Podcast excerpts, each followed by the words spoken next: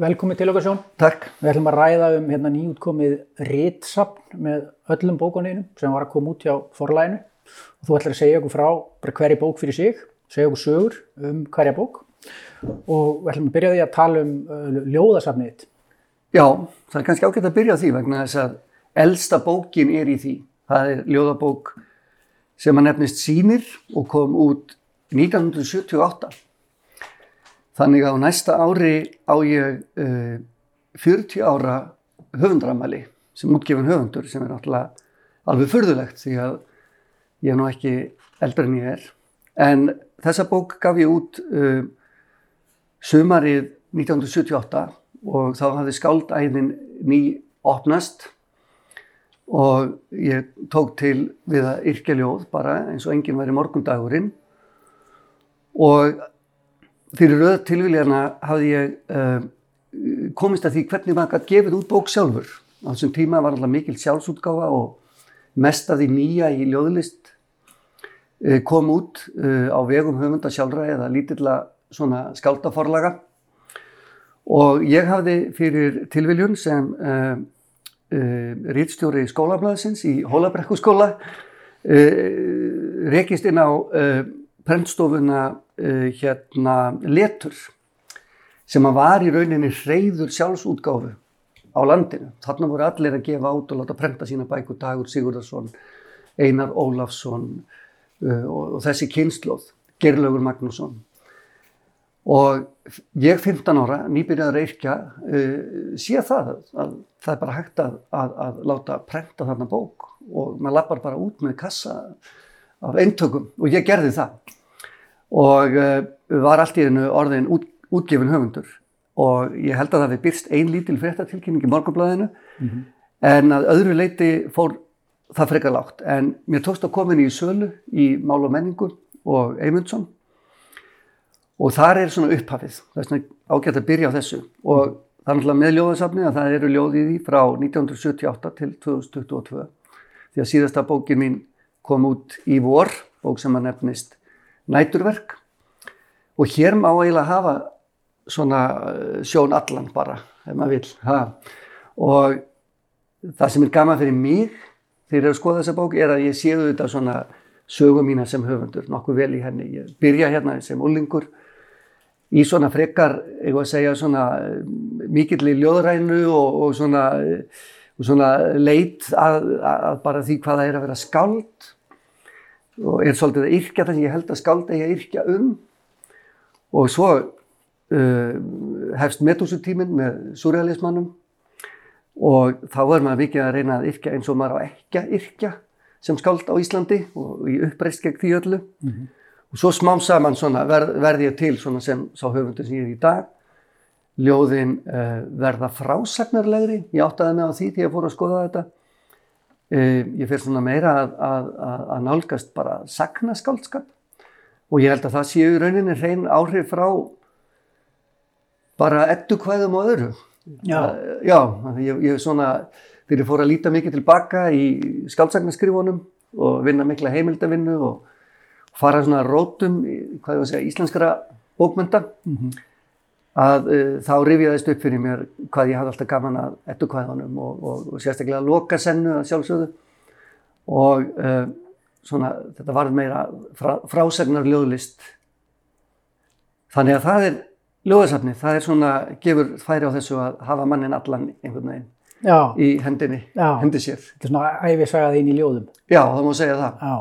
Og er einhver sérstök ljóð eða sérstak ljóð sem er þér kannski hugleikið í þessari bók er einhver, einhver saga eða eitthvað uh, sem að tengist einhverju ljóði sem mannst eftir sem, að, sem er skemmtilega eða áhugaverð, einhverja anekdótur. Já, sko, það eru hérna, uh, það eru hérna ljóð sem ég er afar ánaðað með og, og, og ég verði að segja að, að uh, það er svolítið uh, áhugavert fyrir mig að þegar ég hef svona allt ritsafnið fyrir fram að mig, mm -hmm.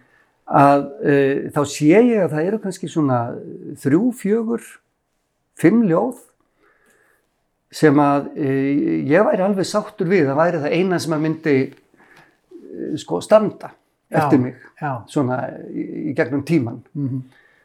og Verður þau frá ólíkum tímabilum? Þau eru frá ólíkum tímabilum. En ég skal kannski bara minnast hérna á eitt ljóð sem að, sem að er í síðustu bókinni. Ljóð sem ég er mjög ánægð með og er enda titilljóð þeirra bókar og heitir Næturverk. Og það er eitt af þessu ljóðum sem að verða bara til. Og, og ég held að það að vera ljóðskald sé að, að, að maður er búin að virkja ákveðnar uh, móttökustöðvar og ákveðið samband bara við heiminn í gegnum tungumálið. Og, uh, uh, og þá gerist það stundum að, að ljóð bara uh, sko gerist fyrir augunum á manni og, og, og, samtímis í hugamanns og, og allt í einu er eitthvað orðið til í veruleikanum sem var ekki til áður. Og þetta ljóð heitir Næturverk og er svona. Þegar komið var inn yfir Persaflóa fekk tunglið sér far með flugvélinni. Þaðan sem ég satt í glukkasætinu sá ég það speiklast í hvítum vagnum. Augnamliki síðar var ljósbletturinn horfin og punktaður málmurinn með. Þessi saga er ein af þúsund og einni sem mér liggur á að skrásetja áður en ég sjálfur hverf inn í nótt, þar sem sloknað tungsljós og hvítur vangur víða mín. Og þetta ljóð bara gerðist. Ég satt sem sagt í, í, í flugvél og var að svífa yfir persaflóan. Ég var að leiða á, á bókmentaháttíð í, í held ég um, Dubai og uh, þá bara gerist þetta. Ég lít út um, út um gluggan og þar bara speklast tunglið í, í, í, í vagnum og allt sem gerist í ljóðunni gerist og þessi hugleðing verður til. Ég er á leiðinni inn í heim þúsund og einnar nætur og ég ætti að mig á því að, að, að alveg eins og tunglið hverfur að þá mun ég hverfa líka og allt sem hverfur, er það ekki bara málið, allt sem hverfur það býður okkar þegar við sjálf hverfum, þá hverfum við inn í land hinn að hortnu hluta. Já, og skrifaði það í flugilinu? Já, ég punktaði þetta niður hjá mér í Já, bara flugvilinni í- já. og þetta bara var eiginlega tilbúið. Svo kom ég á hótelherbyggið uh, setna um, um, kvöldið og uh, leita á þetta sem ég var búinn að skrifa og svo held ég að ég svona tveim, þreim tilraunum hafa þetta bara verið komið. Já, já, Og, og það er svo gaman við ljóðið þegar það verður til svona. Þá bara er þetta einhvern svona, er bara einhvern, einhvern svona augnaflik í, í, í lífinu sko. Mhm. Og svo er önnur ljóð sem að svona, maður þarf meira að, að berjast við sko já, og er, er kannski mörg ára að skrifa og verður ekkert eftir á nema kannski þrjár línur. já, já. Og- Er eitthvað dæmið það hana? Já, það er nú einhver dæmi um það hérna. Það er ljóð sem að ég skrifaði einhver tíman fyrir uh, ljóðatímarit í, í Berlín sem að var bara þó nokkuð langt ef ég mann rétt. Og uh, maður sjá, er hérna efnisyfirlit, hlýtur að vera, er ekki efnisyfirlit? Nú, maður sjá. Það er hér, hvað er það? Já, hér er ljóð sem heitir Heimkoma og er svona. Mér þykir sem ég flokki gömul skópur. Skórnir eru sniðnir á aðra fætur en mína. Á vinstri fót fimm ára barns, á hægri fót fullvaksta griðungs. Og þetta eru fjóra línur sem eru eftir úr ljóði sem var heldur tvær blaðsíður Já, já, og, uh, og uh, fjallaði um uh, eða byggði á svona endurteknum draumum sem að ég hef, hef fengið þar sem að ég uppgötu allt innu að ég hef hérna að ég leiði að ég hérna ég leiði herbergi út í bæ. Og allt í hennu bara man ég eftir, ég er búin að vera með þetta herbergi í leigu kannski í þrjú, fjögur, fimm ár. Og ég kem aldrei þangað. Og svo fyrir einhverja svona uh, röð tilvíluna þá man ég eftir þessi drömnum og fer á staðinn og þá er þetta oft herbergi sem eru inn í húsum annars fólks, svona eins og í gamla daga þegar uh, hérna, ungir menn leigðu eitt herbergi einhvers staðar Já. inn á fjölskyldu og ég þarf að lappa í gegnum svona einhvern fjölskyldurými og kem inn í þetta herbergi og þá er það alls konar einhvern gamalt dót frá mér Og þetta er svona draumar sem endur tekur sig í sífællu sko. Þannig er einhver gammal skápur með einhverjum gögnum sem já þetta er hér.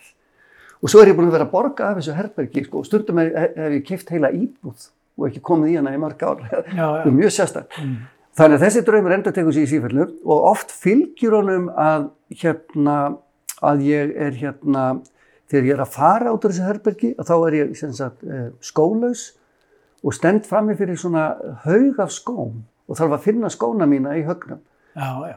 og þetta ljóð var einhvern veginn til úr því og þetta var ægilega löng lýsing á þessum sko ferlum öllum saman Aha. og svo var þetta eina, það eina sem var eftir þessar fjóra línur. Og var þetta svona, var þetta langu meðgöngutími? Var, tók þetta langan tíma sérst að verða til? Já, ljóðið tók langan tíma að verða til og svo hérna þegar ég um, svona, uh, svona það kom að því að fara að byrta það og ég fór að fara yfir það, þá var það ekkert eftir að því nema þessar fjóra línur. Já, ég skilja. Ok. Ha. já.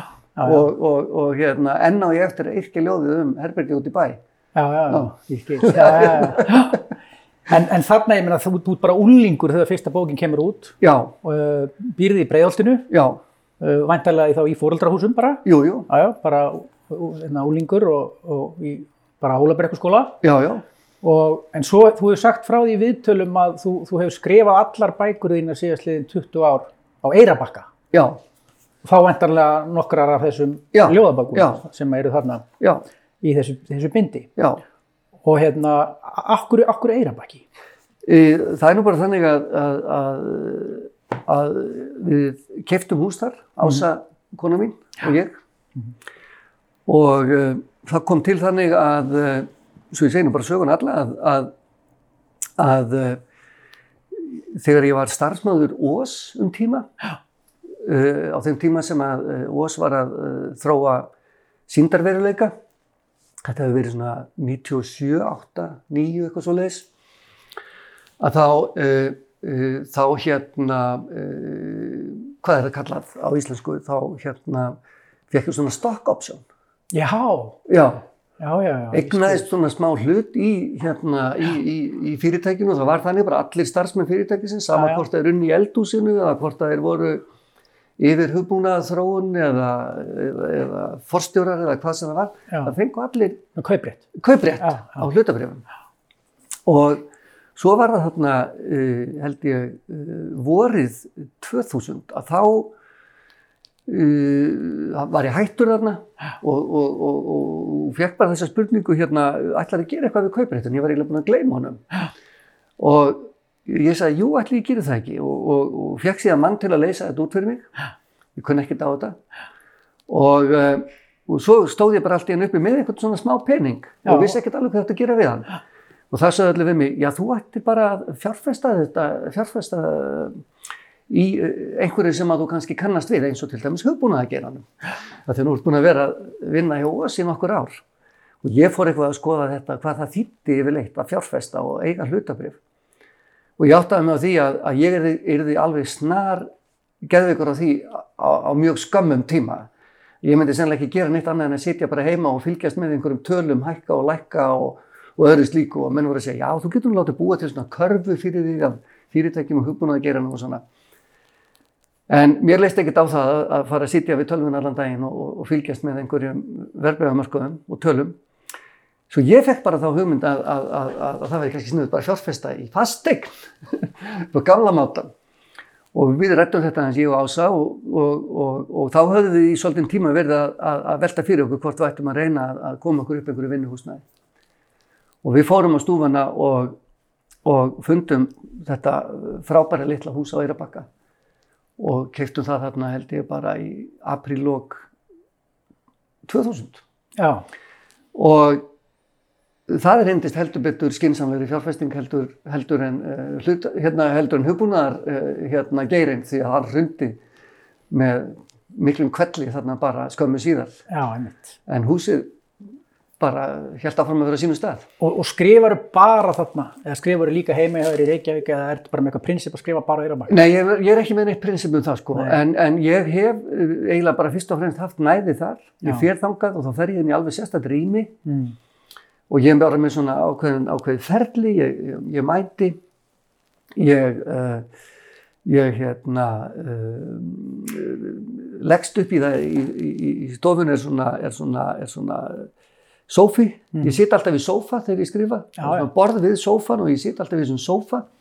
Og ég byrja alltaf að bara að leggja mig.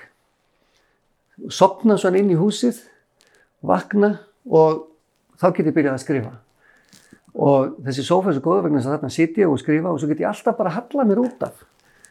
Þannig að svona ef ég er búin að vera að vinna kannski í svona 2-3 tíma í einhverjum texta þá þarf ég sko ekkert annað en bara svona að setja lappirnar upp í sófan og, og, og, og dett út sko. Já, já, já. og hérna svona endur, endur ræsa sko.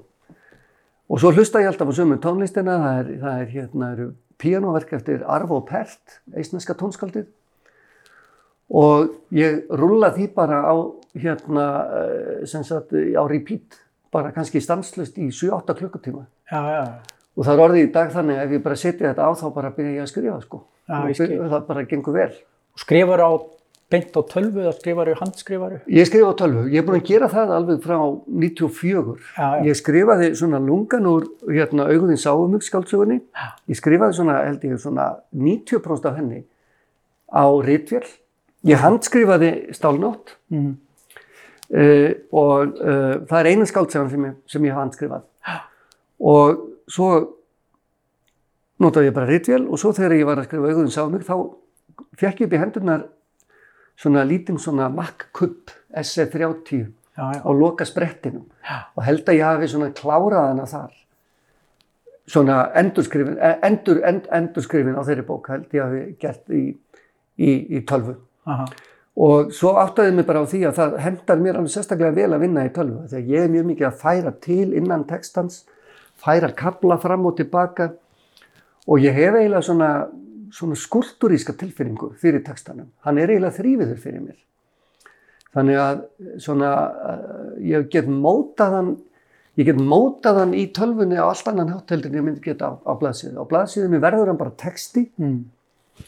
En í tölfunni upplifa ég hann sem, uh, hvað ég var að segja, svona uh, mjúkan og mótanlegan eins og leir. Ég upplifi sko hér hvíta blað í tölfunni, ég upplifa það, upplifa það kannski svona svolítið eins og súrmjólk Já, Skilurðu? ok. og, og, og, og stafirnir fljóta svona ofan á súrmjólkinni. Þannig að ég get eiginlega svona, svona þrýstum onni vökun og fært á til þar og jafnvel farið bara inn í vökun og náði eitthvað orða sem að sem að, sem að var þarna einhver staðar eins og, eins og, eins og, eins og Sirius ringur, skiluru, Já, já, já, ok. get svona veitt eitt orð upp sko þar, þannig að ég hef svona þrývita til, tilfinningu fyrir textanum í tölvunni. Já, já. En einhvern tíma las ég við þig og þá sagður að þegar þú ert á Eirabakka, hann reyndar orðslega langt síðan, Já, þá, þá þú sagðir að þú væri ekki nettengdur í húsinu. já, Er það ennþá þannig? Getur ekki farið á netið í húsinu? sko það breyttist á þessu ári. Ok. Þannig að í 20 ári hefur þetta verið netlaust hús og hérna og, og um, þá var það þannig að ég sko lengi náttúrulega bara var ekkert að nota netið þannig, maður notaði það miklu minna í galan daga. Svo hérna gæti ég farið í Rauðahúsið, komist á netið, þá fór ég þangað og fekk mér kaffibotla og fór bara á netið í klukkutíma á dag eitthvað svo leiðis. En á þessu ári þá uh, hef ég uh, hérna verið að skrifa kvikmyndaverkefni. Og, uh, og það var bara sagt við mig sko, það var sagt við mig út af einu þeirra verkefna. Og sagði leikstjórnum við mig, ég er að vinna með honum Robert Eggers sem gerði The Northman. Mm. að þá sagði hann við mig sko, nú erum við að vinna þetta svo hratt og mikið að ég held bara, við, við bara verðum að geta verið í nokkuð sko örugu og hröðu sambandi. Já, og ég félst á það og, og eignaðist minn fyr- fyrsta snjallsíma já, í mars á þessu ári og þá var ég búin að vera símalös í 11 ár ég var ekki búin að vera með farsíma í 11 ár Já, já, já. og þannig á þessu ári þá eignaðist ég hérna, snjallsíma og mér finnst þetta alveg stórmerkileg tæki Já, já. Fyrst í snjallsíminn. Já. Og hvernig síma er það? það er iPhone iPhone. já, af því að ég, ég, nota, ég hef alltaf notað Mac, og, Mac, já. Og ég áttaði með því að, að, að, að ef ég vildi láta tækinn tala saman þá væri þetta auðveldasta leiðin Já, og að þeir sem ég er að vinna með eru líka að nota þetta tæki þá svona var það allt saman skilvirkara. skil. En þetta var svolítið, svolítið svona merkilegt að einhvern veginn að vera allt í einu, mér fannst ég allt í einu vera svona komin í hóp fullorinn að vera allt í einu svona svona farin að svona reykja bak við skóla með stóru krökkunum. Já, já, já, einmitt, einmitt. og, ert, og ertu þá líka komið með Wi-Fi í húsið? Nei, þá er þetta bara í, í, hérna, í Já, símanum. bara í sko. Já, já, ok, já. En ég er með alls konar svona brögð sko, til þess að, að, að, að eh, hindra netnotkun og ég er með forrið sem ég er reyndar að nota mjög lengi Já. sem heitir Freedom. Já. Og ég, ég frétta þessu forriði þegar ég las viðtal við Ali Smith, eh, breska höfundin, Mhm.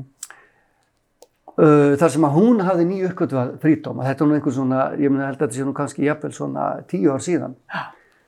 Og það sem er svo fallegt við þetta er það að þetta heitir frelsi Já. og frelsi felst í því að taka eitthvað af þér. Og í, þessu, það, í, og í þetta skipti sko að taka af þér netagang. Og þetta er alveg svakalegt forrið sko að þegar leið og setur það í gang. Að það, það er ekki nokkur leið fyrir þig að endurræsa tölvuna, það er ekki nokkur leið að komast aftur á netið. Já, Þannig að tölvan sem þú ert að vinna í, sem þú ert að skrifa í, að uh, hún, hún breytist bara í rítvél sko. já, já, í einhvern- x tíma. Já, Já, já, þú stillir það bara. þá stilli ég bara þrjá tíma og fjóra tíma og, Já, já, snið. og þá bara get ég gert neitt annað en skrifa. Já, já, já, aldrei heyrt um þetta. Nei, þetta er hérna, já.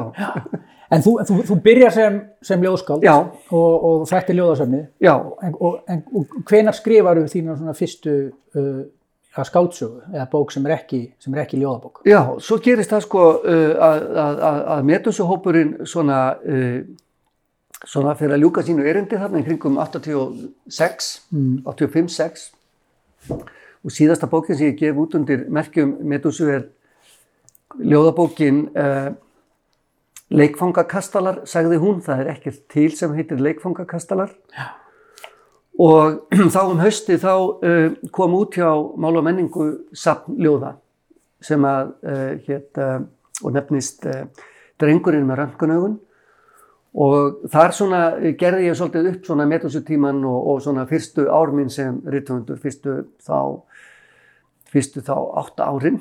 Og, og, og þá var ég semst komin inn á forlag sem eh, mál og menningu. Silja Aðarsteinsdóttir uh, svona veitti mig þangað inn úr, úr utangarsmennsku metusum Mhm. og uh, og uh, þá um veturinn þá fór ég svona velta fyrir mér hvort að ég ætti að prófa að skrifa skáldsögu. Og í rauninni var það vegna þess að ég var orðin uh, daldið þreyttur á ljóðinu sem formi og ég var orðin svona þreyttur á því að í ljóðinu er maður alltaf sjálfur sem persóna. Í miðju ljóðsins, það er alltaf skáldið sem að er að tala og þú skiptir það einhver rauninni hvort þetta eru svona stemningsmyndir eða hvort þetta eru einhverja löðræna frásagnir? Það er alltaf á hreinu að röddinn tilherir þér. Og textin talar í gegnum þig sem bara þá persón sem þú ert. Og þá dætt mér í hug hvort það væri áhugavert að skrifa skáldsögu og vinna með ólíkar persónur og, og bara vinna með frásögn. Og þá verður til þessi skáldsaga Stálnótt sem að kemur út uh, 1987 Mhm. og er mín fyrsta skáldsaga og þetta er lítil skáldsaga sem að gerist í Reykjavík framtíðurinnar uh, mér minnir á hún að gerast uh, uh, 2000 og nú mannir það var ekki hvort það var 2019 Mhm. sem að var heilmikil framtíð þá og, og e, gerist í einhvers konar e, svona e, í svona, svona breiðholti framtíðarinnar, einhverju myrku breiðholti framtíðarinnar þar sem að hverfið, það hefur orðið einhver kjarnorkuslís í, í, þarna í grend við hverfið og, eh, og, og, og það hefur hérna orðið einhver geislaverkni og það er allt orðið með öðru móti og þetta er auðvitað undir áhrifum frá svona, ég var að segja þetta er bara vísindaskáldskap og, og hryllingsmyndum og öðru, þarna byrja ég að vinna með öll þessi svona, hvað ég var að segja, svona allar þessar jáðarbókmyndir og, og, og, og hérna, allar þessar jáðarlistir sem ég hafði hrifist að bara sem krakki sko, og lingur að, að, að ég virkja það í þessari fyrstu skáldsögu og hún fjallar um fjóra krakka sem að, sem að uh, verða fyrir svona ákveðinni ásókn sömu nóttina í þessu breiðhaldi framtíðurinnar og, og, og, og þrjú farast og eitt lífir af og uh, ein aðalpersona bókarinnar uh, reyndar kemur inn í hana sem fulltrúi höfundar og nefnist Johnny Triumph. Já, já, já. Og á þessum tíma þá voru vinnir mínir búinir að stofna hljónstina Sigurmólarnir Mm og voru að uh, vinna sinni fyrstu plötu. Og í þeirri stúdíovinnu uh, sem ég var svona bara alltaf nálægur að þetta voru vinnir mínir og var gaman að hanga með þeim í stúdíóinu og, annað slíkt að þá var til lagið luftgítar sem var sungið af personinni Johnny Triumph, rockpersoninni Johnny Triumph. Og hann kemur fyrir í þessari bók, hann er svona örlaga valdur þessara ungmenna í þessari bók. Já, hann já, já. kemur, kemur með örlögin inn í þessa stálnótt Ég skil.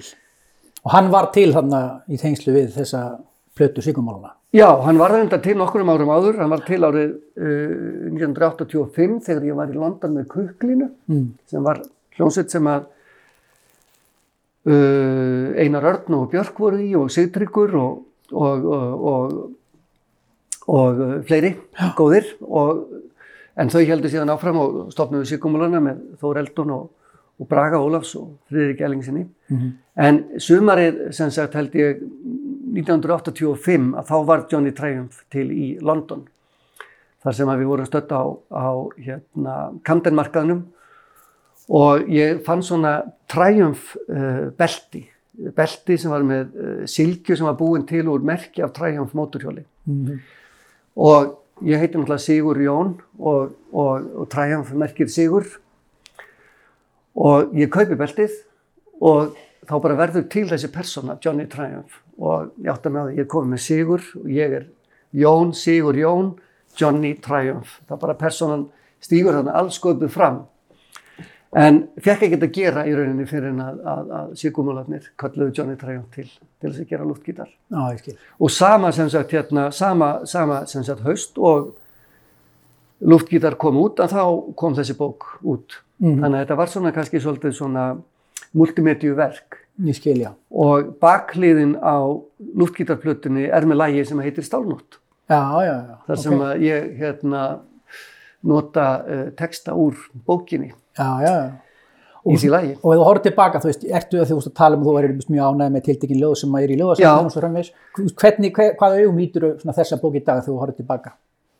Ég svona, uh, sko, uh, ég er, sko, sko, það sem að mér finnst svolítið merkilegt við hennar er að hún, hún, uh, svona, hún svona fangar hansi vel, fangar hansi vel uh, anda þessa tíma þar sem að, uh, þar sem að í rauninni öll þessi, þessi, hvað ég var að segja, þessi svona myrkari dægurmenning og svona neðanjarðarmenning uh, svona sko færa að lifa svolítið saman og, og, og, og mér finnst ágætt að taka Terminator myndina, fyrstu Terminator myndina sem dæmi því að þetta er mynd sem er gerð af James Cameron Uh, mér minnir að uh, Catherine Bigelow hafi jafnvel komið að henni sem að uh, átti setn eftir að, að gera Hurt Locker og, og, og, fleiri magnaði kvikmyndir og er nú reyndar einn af mínum uppáhalds leikstjórum í dag. Þau gera þessa mynd, Terminator, sem er uh, framtíðarmynd uh, um, uh, um vélmenni og, og yfirtöku, hérna, yfirtöku hérna, tölvana og gerfugreindarinnar og, og átök milli manna og tækni og, og það allt saman og það er tímaflakki í hennu og það er allt í þessari mynd. En James Cameron og, sérstaklega Catherine Bigelow þau, þau koma úr þau koma úr úr hérna mjög sterkri hérna, hérna myndlistarsenu. Þar sem var verið að spyrja mjög áleitina spurninga um það sko, hvað gerir listin og hvar, hvar skarast þessir heimar dægurmenningar og neðanjarðamenningar og, og, og, og um, er mögulegt að, að það sé fyrst og fremst í segjum vísindaskálskap hryllingsmyndum uh, og öðru slíku sko, er, er það kannski fyrst og fremst þar sem við, við getum fundið tækinn til þess að takast á við veröldina eins og hún er Mm. og mér finnst þessi bók hún svona, svona vera bara nokkuð vel hefnu tilrönd til þess að gera það en í íslensku umhverfi það er það sem að hérna, hérna mér finnst það að tekist bara nokkuð vel. Og, hva, og, og hvað, hvaða bók skrifar þú svo næst? Næst skrifa ég svo ger ólíka bók. Og það er bók sem er nefnist Engill, Pípuhattur og Jarðarber. Mm. og hún kom út uh, hún kom út held, uh, já, og skrifuð þarna sumari uh, 1989 og kom út þá um haustið. Og þetta er ástarsaga. Ástarsaga uh, pars sem að um, bara er að upplifa eh, svona dásamlegan sumardag uh, einhver staðar við miðjarðarhafið, í lítilli borg við miðjarðarhafið. Þau eru íslensk, hann heitir Steinn og hún heitir Mjöll og þetta er í rauninni síðasti dagurinn í lífi hennar og þetta er síðasti dagurinn í, í, í, í þessari sögu, þessari ástarsögu. Nefn að það sem að gerist er það að, að, að, að, Steinn hann vaknar upp í eh, einhverju skuggaveröld sem að er eins og uh, limbo uh, hérna eins og það sem þeir kalla hérna, kallaði limbo eða bardo, einhvern svæði milli lífs og dauða. Og hann þarf að ferðast í gegnum, gegnum þennan, þennan myrka heim einn í fyllt veru sem að uh, kallast skuggin og virðist vera bara skuggi hans sjálfs og, uh, og, og uh, í lokin þá er möguleiki að hann sé að hverfa bara sem sagt í, í, í dauðan og samþykja það að hann sé dáinn eða að uppgötu það að hann, það er hann sem kemst af kemst af í móturhjólasleysi sem verður þennan dag. Þannig að þarna eru líka svona áhrif úr dægurmenningu. Þetta er svona ungt fólk, það er móturhjól, það er hérna, dauði, það er skuggi, það er allt þetta í gangi. Og það sem ég er í rauninni mjög ánægð með í þessari bók og, og þegar ég lesa hana í dag er að, að, að, að ég finnst þetta takast hjá mér að, fara á milli þessar að tveggja heima. Það er alltaf farið á milli þessar að tveggja heima. Það skiptast alltaf á. Við byrjum í, byrjum í hinnum ljósaheimi og, og næst förum við inn í myrkaheimin. Og þeir spekla hvort annan. Þeir eru í svona samtali allan tíman. Og það eru myndir í, í báðum heimum sem að það er svona eiga þá andkverfi sína í hinnum. Og uh, Og mér finnst svona, sko fyrstu tvær bækurnar eru náttúrulega, þú veist, þetta eru bækur sem ég skrifa uh, 25 og 27 ára gammal Mm.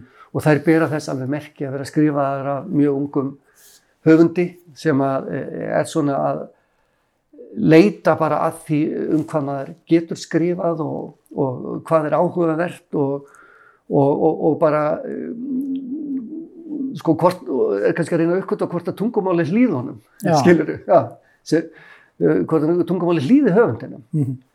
og uh, ég sé alveg hér að það er, það er margt sem ég er að gera sem að átt eftir að, að, að átt eftir að nýtast mér í því sem ég skrifaði síðar. Og, og, og uh, þá er það kannski svona sérstaklega það og það er reyndar í báðum bókunum Stálnótt og Engli Pípuhatt og Jarðaber að hérna að, uh, að vinna með brotakendan texta, að treysta því að, að, að- að segja sögu í brotum og, um, og, og, og oft brotum sem að lesandin hefur ekki hugmynd um uh, hvernig, hvernig uh, passa inn í söguna fyrir en bara setna að þá bara fellur púslið á sinn stað Mhm. og, og, og uh, þetta að, að, segja söguna brotakent, segja hana myndrænt og treysta lesandanum það er það sem ég er svona er uppgötu að, að, að, að, að, að ég vil gera í þessum bókum Mhm. Og svo í Engli Pípátur Jarðabær þá byrja ég með svona kunstir eins og það að ég felli inn í textan hér allt í einu uh, uppskriftað jarðabærjaís úr matræslubók eftir Elizabeth David og, Já, já. og ég svona byrja að týna inn í textan, texta eftir aðra Mhm. sem svona ummerki um þann veruleika sem er til utan bókarinnar. Og uh, uh, ég einhvern veginn hef alltaf verið mjög meðvitaður um að, að, að, bækurnar á sama tíma og ég vil uh, sko fanga lesandan í frásögnuna og heiminn sem ég er að, er að, er er skapa þar og, og, og, og, finna til með personunum og fara þess að ferð með þeim að þá svona hef ég alltaf vilja líka hafa þessa fjarlægð. Þetta er bók og bók á heima í annari veröld en við. Bók á heima í veröld bókana.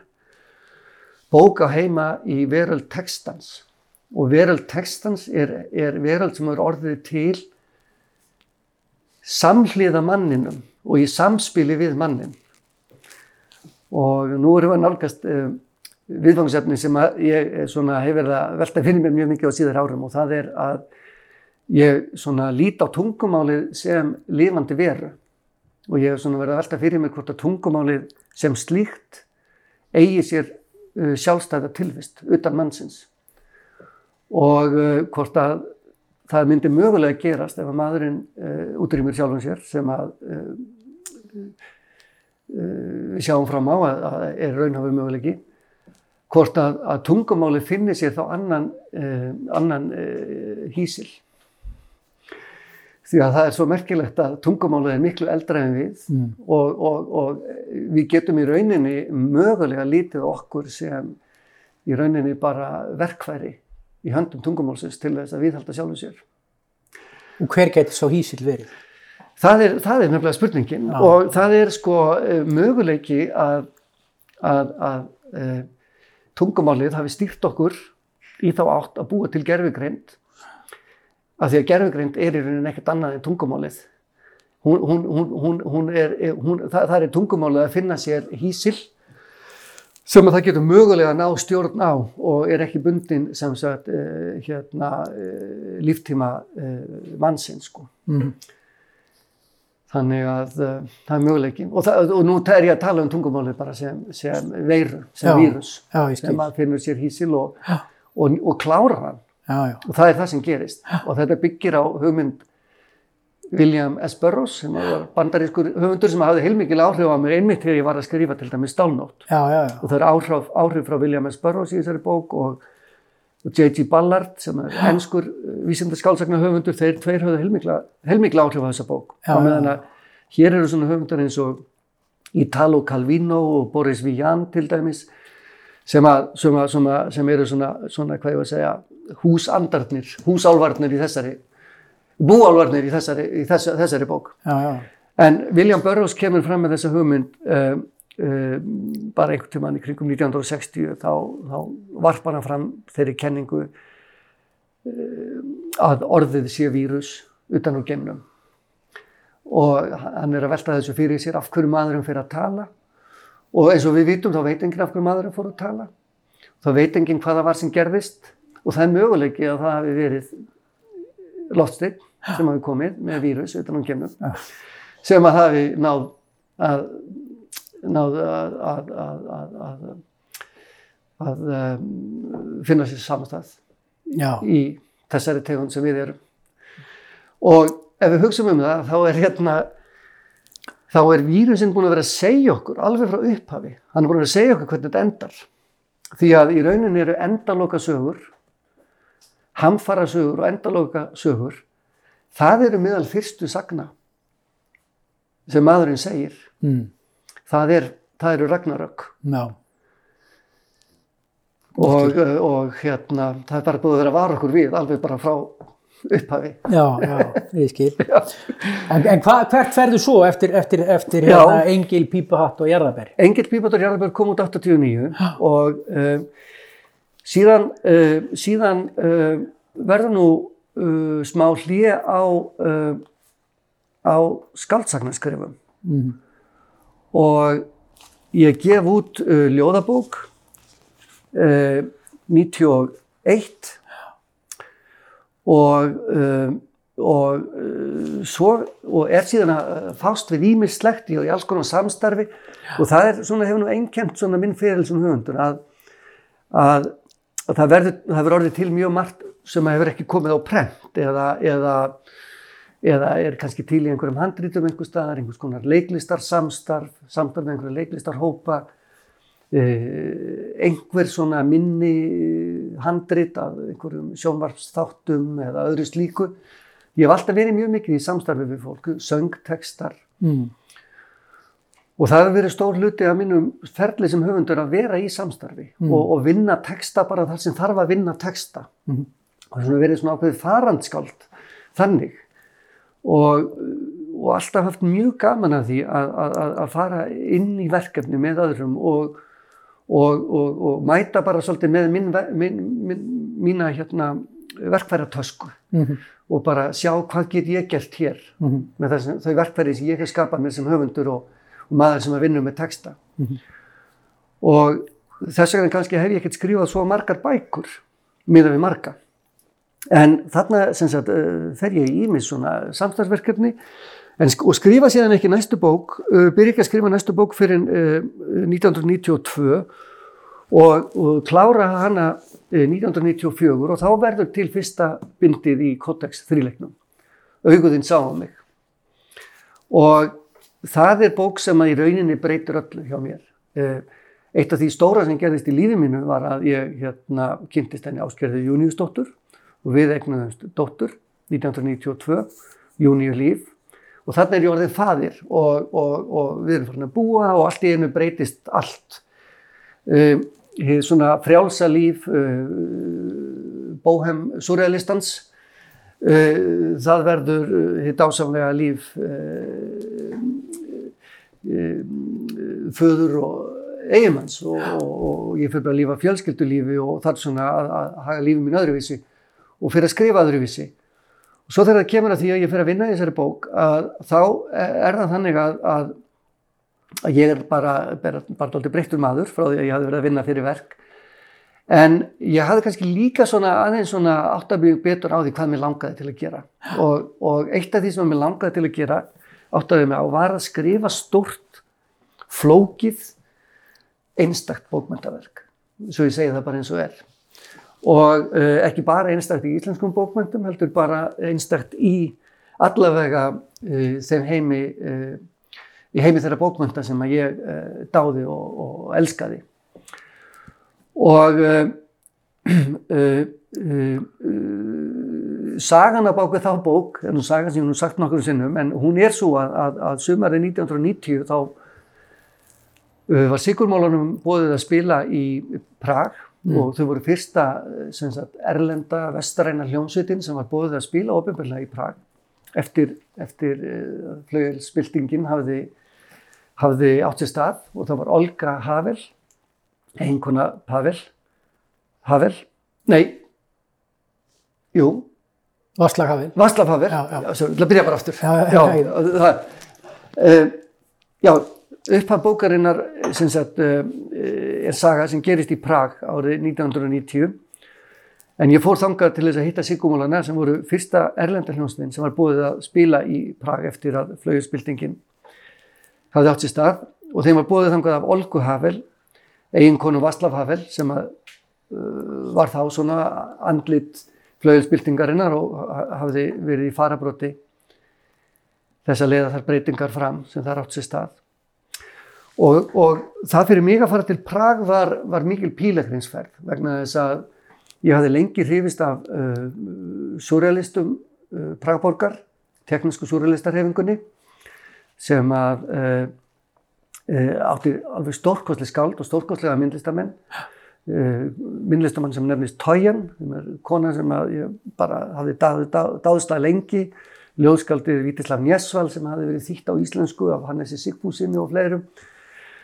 Og auðvitað var Prag líka borg Kafka og, og líka borg uh, góðadátan Svæk uh, borg uh, nýbylgjunar það var svo margt í Prag sem að heitlaði mig. Þannig að fyrir mig að fara þangað var mikil pílegrisför en síðast en ekki síst var hún borg uh, Gólemsins, Leirvansins sem var skapaður í, í gýðingakvarfinu af Rabbi Löfi á 16. Uh, öld og eh, ég fór og heimsótti gröf Rabbi Löfi og eh, tók eftir því að eh, fólk var að setja steina á, á gröfunni hjá honum sem er síður í, í, hjá geðingum og það var líka að skrifa svona skilabót til hans á, á litla pappistrimla og stinga svona í svona í sprungur á grafsteininum Og ég gerði það, ég svona var svona glímaði svona, svona smá, smá vesin í mínu engalífi og ég hugsaði með mér að það tók bort að rabbíðin getur ekki lest þetta fyrir mig. Og skrifaði þetta og svo hugsaði með mér, en ég er nú svona kurtist rengur frá Íslandi og ég býð ekki um greiða nema bjóða greiða á móti. Svo að hérna, ég býð honum, uh, býð honum það að ef hann leysi þetta fyrir mig, þá skuli ég hérna skrifa bók um góleminn. Nýja bók um góleminn og hérna, uh, og koma honum til Íslands. Já. Og hann leisti mitt vandamál bara auga bragði og ég satt alltaf inn uppi með þetta verkefni að, að, að- skrifa skáldsögu um góleminn frá Prag og koma honum til Íslands. Og, og byrja að skoða það og þá verður til sem sagt, hugmyndasögu þar sem að þessi leirmaður uh, segir sögu sína, sögu þess hvernig hann kemur til Íslands. Og ég ætlaði að skrifa, í rauninu, upp, uppalega ætlaði bara að skrifa eina bók. Svo þegar ég byrjaði svona að skoða efnið og þá hérna, uh, svona hugsaði með mér, já ég verði nú að hafa kannski svona formála hérna þar sem að við, þar sem að, þar sem einhver verður vittnið því þegar að ferðalega gólemsins hefst og, uh, og sá þá allt einu fyrir mér stúlku, unga stúlku sem að lítur út um svona spóriðskulega glugga á eldúsi og horfir svona fram í veitingasal og fram í andir í hótelsar sem vilja leiða einhvern mann út á hótelinu. Og þessi maður er þá með góleminn með sér einhvern veginn. Og uh, ég gef þessari stúlku orðið og þá verður allt í hennu til bara heil, heil skáltsaga Mm. og ég átta mig á því að þetta er ekkert að fara að verða einn bók, þetta verða þrjár bækur og þarna er ég að skrifa uh, skáldsögu allt í einu sem að gerist í Evrópu setni heimstyrjaldarinnar Já. og kallast á við uh, evróskar og mið, sérstaklega mið-evróskar bókmyndir og þá verður til þetta byrjar að verða til heilmikið netteksta sem að tegir sig í allar áttir inn í miðurlöska bókmyndir, inn í, inn í miðaldir, inn í hugmyndir mannsins um uh, það að geta skapað líf og þannig er náttúrulega nýjónum fadir. Þannig að hugmyndin um að skapa líf ekki bara sem skáldsagnapersonur heldur raunverulegt líf er, er, er mér mjög ofarlega í huga. Og, þetta, og, og þessi þörfmannsins fyrir það að staðsetja sig í lífinu, staðsetja sig í sögunni og ekki bara í, í, í sinni eigin sögu, heldur henni stærri sögu, samfélagslegu sögu og ég tala hann ekki um heimsögunni. Allar þessar spurningar fara, fara, fara flott í, í, í skrifum þessara bókar. Og allt í einu verður til þessi bók, auguðin sá, sáum mig. Og þetta er, þetta er þríleikur. Og þetta er þríleikur. Og hver bók er frístandandi en samt myndar heild. Já, og ég átta því að þetta, þetta, þetta, verða verða þrjár bækur og uh, meðal annars vegna þess að fyrsta bókin er sögð af móðurinni þá uh, áttaði mig því að næsta bók verður sögð af, af verður saga föðurins og þriðja bókin verður saga sonarins. Þetta er svona, svona heilug þrenning má segja sem verður til þarna og, og, og, og allt gengur upp í tölunni þremur og það allt saman. Já, já. Og, og svo fer ég að leika mér hérna með, sem sagt mjög meðvitað með það bara með, sko, hvað, úr hverju bókmyndir eru búinir til, úr hverju þessar bækur eru búinir til. Mhm. Og auðvitað sáum mig er sem sagt mjög brotakend, er saman, sapn, alls konar sagna sem að fjalla um það að, að, að líf verður til, að, að tilbúin mannvera verður til. Nema það að rammin utan um hana er ástarsaga. Og þess vegna heitir hún auðvitað sáum mig ástarsaga. Næsta bók sem kom út 2001, svo líða bara mörg, mörg ár. Já, já. Og ég, ætla, ég held að ég myndi skrifa þetta kannski á svona fjórum, fimm árum, Mhm. en endaði með því að skrifa þetta á 24, 25 árum. Já, já. En varstu búin að ákveða þegar þú skrifaðir auðvitað þín sáum mig að þetta er þríleikur? Já, ég áttaði, mig á því, já, ég áttaði mig á því þegar ég, þegar ég fór að staði hana, þá bara áttaði mig að nú er þetta þríleikur sko. Já, já. Og hún er skrifið 94 og svo kemur, og, heit, og hefur undir titilin Ástarsaga. Já. Svo kemur með titlandi Tár 2001 og hefur, hefur undir titilin Glæpasaga. Svo kemur ég er sofandi hurð 2016 og hún hefur undir titilin Vísindaskáltsaga. Já. Um, en sko, er þetta fyrsta skipti sem það eru allar gefnar út saman þrjár í einni bók, eða hefur það verið gert áður? Nei, það, já, það var gert 2016. Það var gert Þannig þegar að þegar já, þriðja bókin kom, þegar, þegar ég loksins hérna átta mig á því að nú bara verði að klára þetta verkefni, Mhm. að þá hérna uh, átti ég samtal við útgefandan og þá var svo langt um liðið frá því að fyrstu tvær bækurnar höfðu komið út Aha. að við ákvaðum að í staðis að gefa hérna endurútgefa þær í kiljum eða eitthvað slíkt og gefa sem sagt nýju bókina út og þriðu bókina út sem innbundna bók og sjálfstæða að gefa þetta út sem eitt verk af því að það var alltaf hugmyndin þetta er því einn stór skáltsaga Já, og ég verða við að að það gaf mér auðvitað, auðvitað ákveði svigurum í þriðju bókinni til þess að hafa hana aðeins meira fljótandi.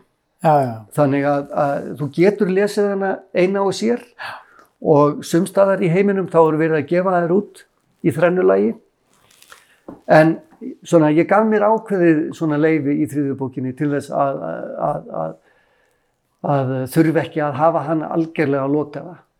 já, já. Og það, þetta er svona þín, þetta er þitt langt svona stærsta verk, eða lengsta, Já, þetta er svona mín... mest umfangs. Já, þetta er svona stærsta bókin. Hinnar eru allar frekar smáar, allar skáldsögurnar eru frekar smáar. Já, ég hef ekki lesið sko þessa, Já, en, en er, þessi, er, þetta svona, er þetta þitt svona erfiðasta verk? Eh, að lesa. mest krefjandi, já. Það getur verið að hún sé það. Já. Ég átta ekki á því. Sko. Ég átta ekki á því. Sumir lesa þetta bara eins og reyfara. Sko. Ég hef hitt fólk sem hefur lesið þetta eins og reyfara. Já, já, já. Bara ég byrði mjög mjög virðingu fyrir því. og þú, það hefur haft samband við þig einhverju kvikmyndagerðamenn og líst yfir áhuga til að gera kvikmynd Já, já, já. já. úr, þessum þríleik. já. Já, já. Og Ég bara veit ekki hvernig það á að vera hægt sko. En, en, en uh, þú veist, það er kannski möguleik að gera einhverja, einhverja svona seríu úr þessu eitthvað svoleiðis. Ég átta ekki á því. En, uh, en uh, sko, hver, hver bók er sagt, sjálfstæði saga, hver bók er eins og er sett saman úr uh, fjölda annara sagna. Ég nota sögumæður bókana,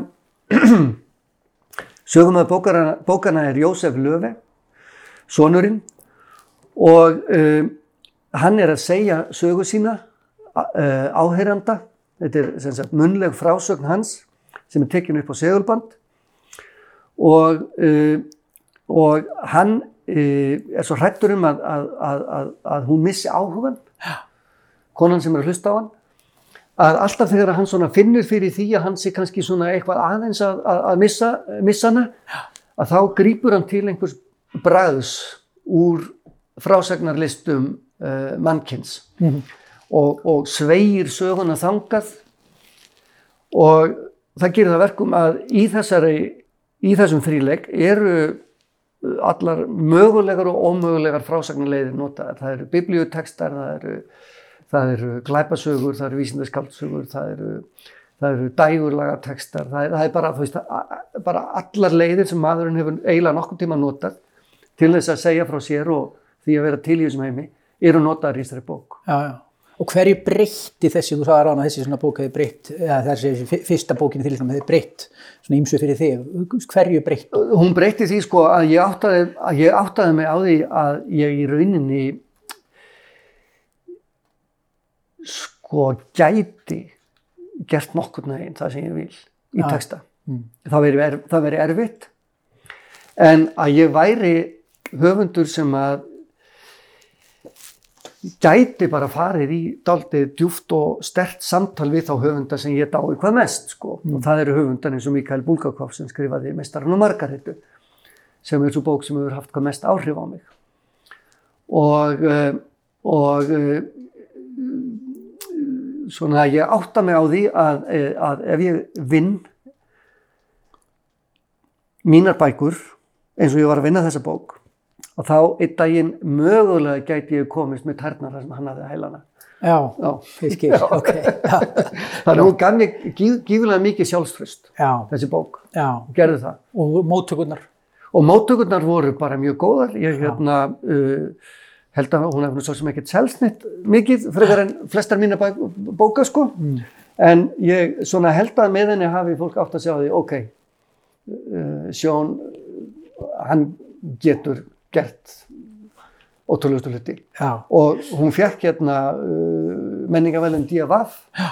og var síðan fyrsta skáldsagan sem að uh, hérna, sem var gefin út Erlendis, sem var gefin út í Svíþjóð nokkrum árum síðar já, já, ok, og svona braut ísinn þar já, í öðrum löndum. í öðrum löndum og, og fekk uh, stóran og mikinn og jákvæðan dóm í, í Dagens Nýheter og, annan í Svenska Dagbladið og, Já, já, já, og fólk sagði bara, þú veist, ég held að, ég held að svona, það sem er og þóttu vænstum að það var einhver staðar sagt uh, sagt eitthvað á þá leið að, að, að, þetta er eins og uh, Frans Kafka að segja sögu eftir Hási Andersen eða öfugt. Já, já, já. Ég held að það hefði verið í Svenska Dagbladið og svo segði í dagins nýhittir sagði ekkert þessu líkt það, það, það er öruglega ekkert þessu líkt annað skrifað á Íslandi og valla annar staðar í heiminum heldur. Já, Þannig að stór orð. Já, já, stór orð. Já, já, já. Bara, bara um aðferðina, sko. Já, Við erum bara að tala um aðferðina við að skrifa. Já, já, já. Þannig að þetta skiptir mig miklu skil. Herri, ég þarf að ringja eitt símdal. Já, heyrðu, Ég- við erum alveg tengist- bara... Ég, Ég þarf eitt símdal bara. já, af Því að það tengist börnum, það er hérna vetrafrí já, í skólanum það er búið að ringja, ég þarf að tala við tengdamömmu. Já, það er vetrafrí í dag. Já, já. Er farið, er farið að færa? Já, það er vetrafrí, já, það er ekkert... Já, auðvitað, það er bara síðustu vetradagur og það koma vetrafrí. Hæ, herri, ég er er, langt ég er í að ég verði viðtali. með skólakrakka. Ég er bara nýri í þessu. Já, Já, þetta er bara, já. þetta er bara sem sagt til hliðin á sundlauginni. Já, fara bara þangað, er Hallgrímur með þér eða? Jú, jú, jú, jú, jú. Fa- Farðu farðu bara inn í gróttu, þetta er bara við hliðin á sundlauginni og þar, þá eru stelpuna þar. Svona rennihur sem þú fer í gegnum. Þetta er bara, bara íþróttahúsi og... Nei, fríabits er ekki með síman sinn, sko. Farðu inn, farðu inn. Farðu inn, hún er ekki með síman.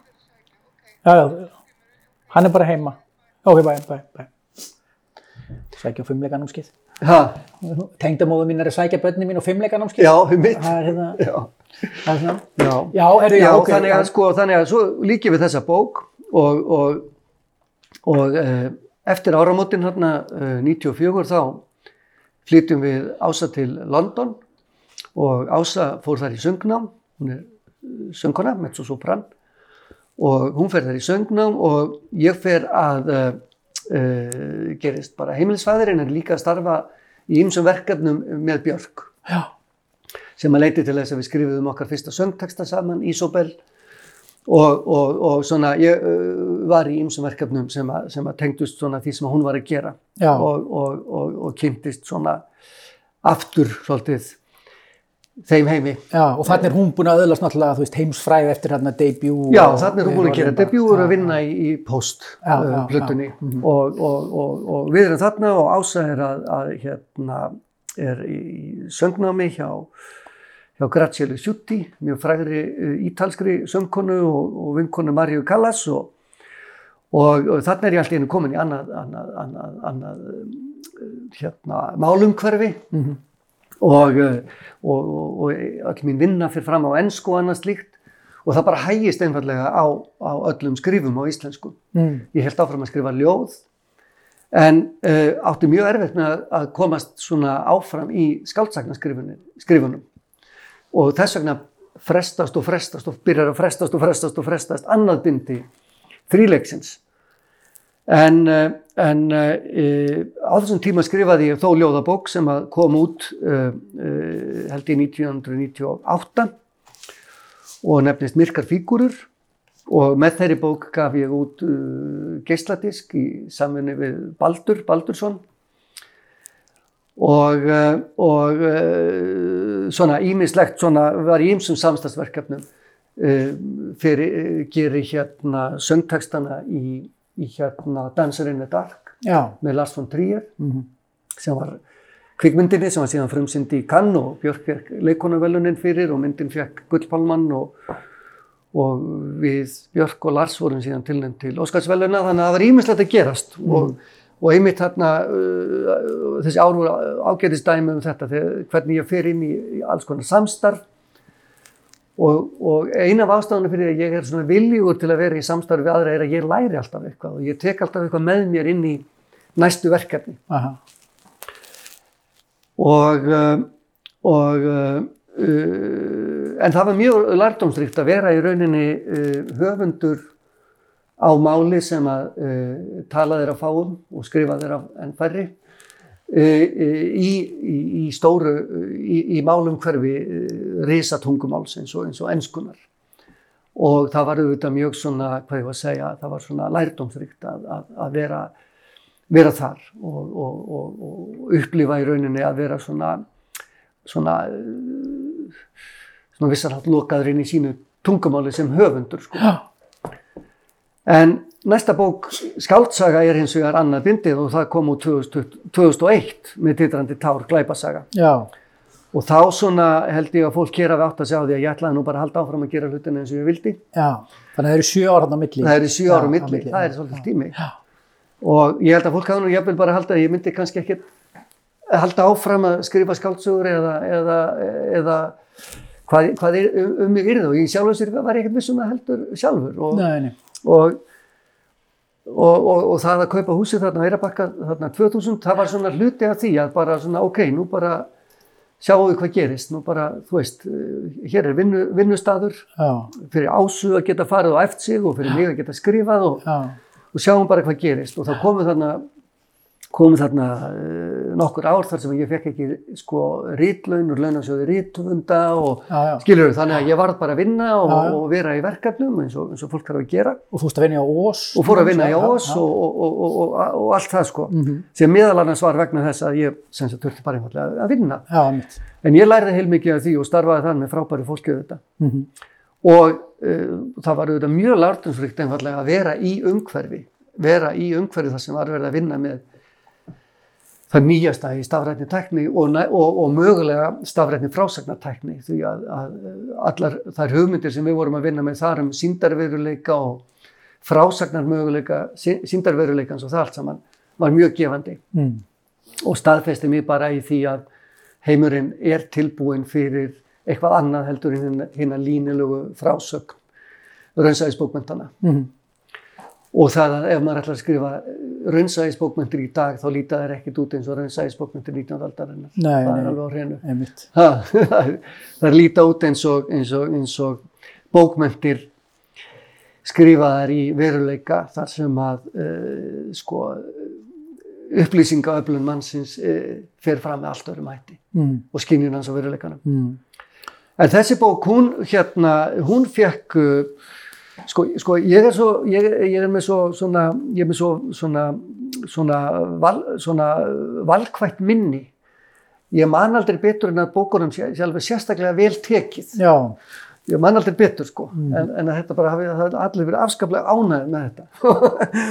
og um, allavega var hérna sem sagt gerðist það að, að, að hérna að, að, að með titrandi tár uh, uh, fekk uh, menningavelun djöfaf eins og auðvitað sáum mig og, og, og, og ég held að það hafi jafnvel verið bara í fyrsta skipti sem að sami hugmyndunum fekk þessi velun tvissar Tvisvar, og hvað þá fyrir fyrst og aðra bóki þríleik. Mhm. En það sem ég get sagt um þá bók er að, að það sem að ég gerði þar er það að ég uh, fór uh, kannski í fyrsta skipti í alvöru að skoða uh, það sem að var mér setna og hefur mér æst ættið síðan verið mjög hugleikið og það er hlutskipti útlendinga sem koma til Íslands. Og þetta er bók sem fjallar um Gýðing sem kemur til Íslands 18. júni 1944, daginn eftir stopnum liðveldisins og hann er, uh, hann er, hann er uh, maður sem hefur komist lífs af úr, úr, úr döðabúðum nazista Mm. og þarf að finna sér stað hér. Hann hefur ekki valið sér að koma hingað. Það er, það er helförinn sem að hefur hrakið hann hingað Mm. en hann þarf að finna sér stað í íslensku samfélagi og hann áttar sig á því að hann er komin til staðar sem hefur enga þólemæði fyrir öðrum sögum en, en, en, en, en, en sínar eigin, sko, sínum eigin. Og þarna kemur hann með, eh, til Íslands með eh, stærstu sögu samtímans. Mhm. Hann er, hann er, þessi, hann er, hann er, hann er, hann er holdgerfingu stærstu sögu samtímann sem er, sem er helfurinn. En Íslands samfélag hefur engan áhuga á því. Og hann uh, lifir bara í, sjálfsögðu í þögn með, með, með sinni sögu og svo er þessi sonur hans að reyna að segja hans sögu hér í þessari bók. Mhm. Og, uh, og svona, uh, uh, getur sagt að eitt af því sem að uh, hafði áhrif á það hvernig ég uh, skildi og skinjaði hlutskipti hans uh, uh, á þessum árum frá 1944 til 1962 getur við sagt uh, er hérna uh, það hjálpaði mér mest að skinja það og, og skilja uh, var bók Leifs Muller í fangabúðum nazista sem að hann uh, skrifar fljótlega eftir að hann kemur til Íslands já, eftir að hafa verið sjálfur í fangabóðum. Og það er einmitt sko, það hvernig þeirri bók var tekið af algjöru fálæti, uh, sagði mér í rauninni alveg allt um það. Og svo byrja ég auðvitað að skoða uh, lífsögu uh, þeirra sem komu hingað í stríðinu. Uh, þessara, uh, meðal annars þessara tónlistamanna sem komu hingað og, og, og, og, gerðu íslenska samtíma tónlist mögulega mhm, og, og, og svo annara gýðinga sem hingað komu og þurftur hún að berjast með kjáttu og klóm fyrir því að vera ekki sendur úr landi og, og, og, og tókst það ekki öllum. já, já, Og, uh, uh, og uh, þannig að þetta annað, annað bindi verður í rauninni svona, hvað ég vil segja, svona ákveðin gegnum lýsing á, á þessu, Já, á, á íslenskri þjóðrembu og, og, og, og því að, hva, hversu skelvilið það er að, að, að, að enda hér, að, reka á land hér já, já, sem sprek á þessari annarlegu strönd sko. Já, já, einmitt, einmitt. En áttur, var þetta svona, var þetta víðtækari gaggrinni en bara í raun og veru það það, sagt, var þetta það fálæti sem að Íslíkar síndu sko geðingum og, og helfurinni? Þú veist, var, var fast að líka meinda bara í stærra og almennara samhengi um, þjóðrembu Íslendinga bara svona almennt? Já, já, þetta, er, bara- þetta, er, þetta er sko, sko tvær af uh, svona helstu personum, aukapersonum uh, sögunar eru tvíburar Já, sem eru nazistar og uh, eru samferða uh, Leo Löfi sem er gýringurinn, fadur Jósefs Löfi, eru samferða honum á, á skipi á Góðafossi til Íslands í lókstrísins og sem er þá svona mögulega næst síðast að ferð Góðafoss. Þótt að í bókinni sé það ekki eiginlega Góðafoss, Nei, heldur, nei, nei, heldur já. Góðafoss bókarinnar. Já.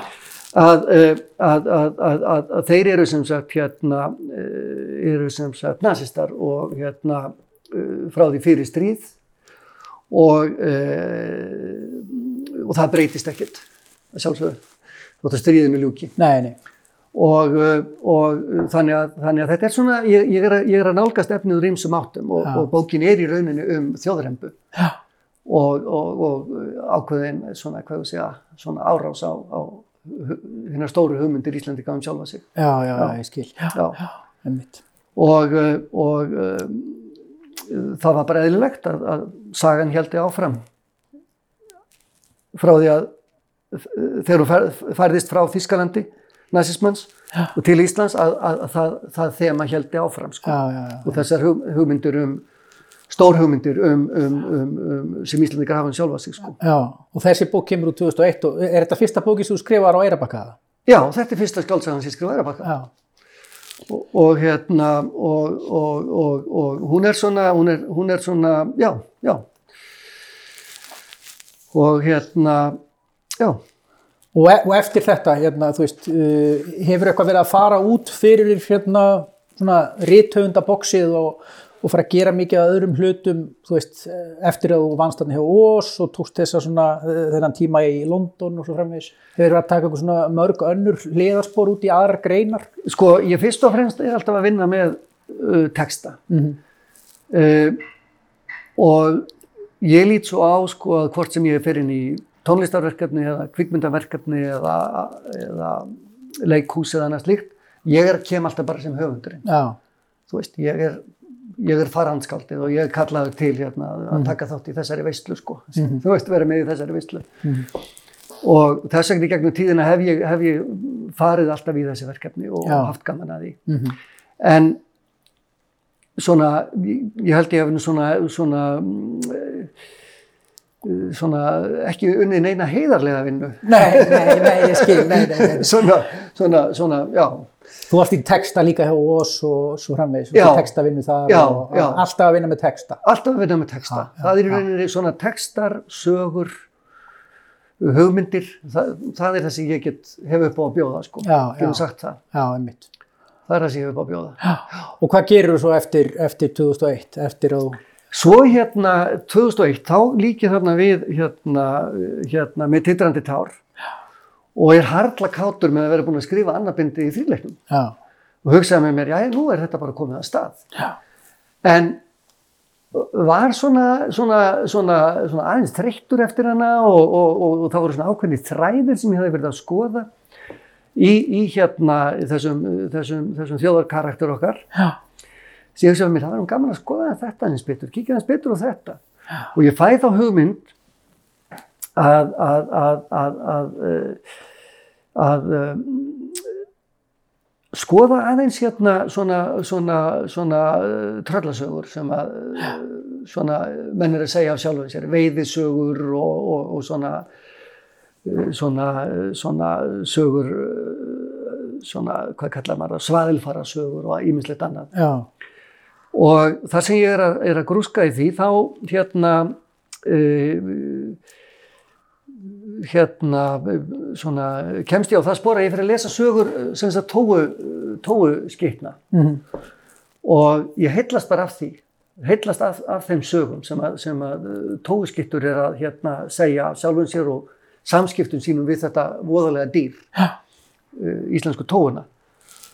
Og ég byrja svona að raða því eitthvað upp og reyna að velta þessu fyrir mér, skoða hvað ég get gert með þetta, sapna að mér efni, skrifa, klippa saman, svona reyna að búa til einhverja, frá, einhverja frásögnur úr þessu. Og allt í einu svona verður til það sem að setna var orðið að, fyrsta hlutanum í skuggabaldri. Já.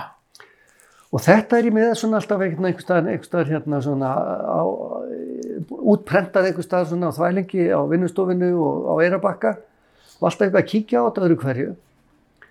Og veit ekki, sjálf veist ekki alveg hvað ég ætla að gera við þetta. Og svo eitt daginn þegar ég, þegar ég var eitthvað að lesa í gegnum þetta, að þá les ég síðustu blaðsíðuna eh, þessum litla, eh, þessum, þessum texta, þar sem segir tóan lætur aftur augu sín gráu. Og þegar hún opnar þau jafnveg já, og það sem ég er sem sagt, er að lesa þennan litla texta uh, einu sinni enn og hann er svona tóan lætur aftur augun sín gráu. Og þegar hún opnar þau á ný er maðurinn farinn. Hún liftur höfði. Þá tekur maðurinn í gikkin svona var textin og ég lít aftur á síðustu setninguna. Og þá bara allt í hennu byrtist hjá mér. Þá tekur Baldur Skuggason í gikkin kemur þetta nafn allt í hennu bara? Og ég líti á það aftur.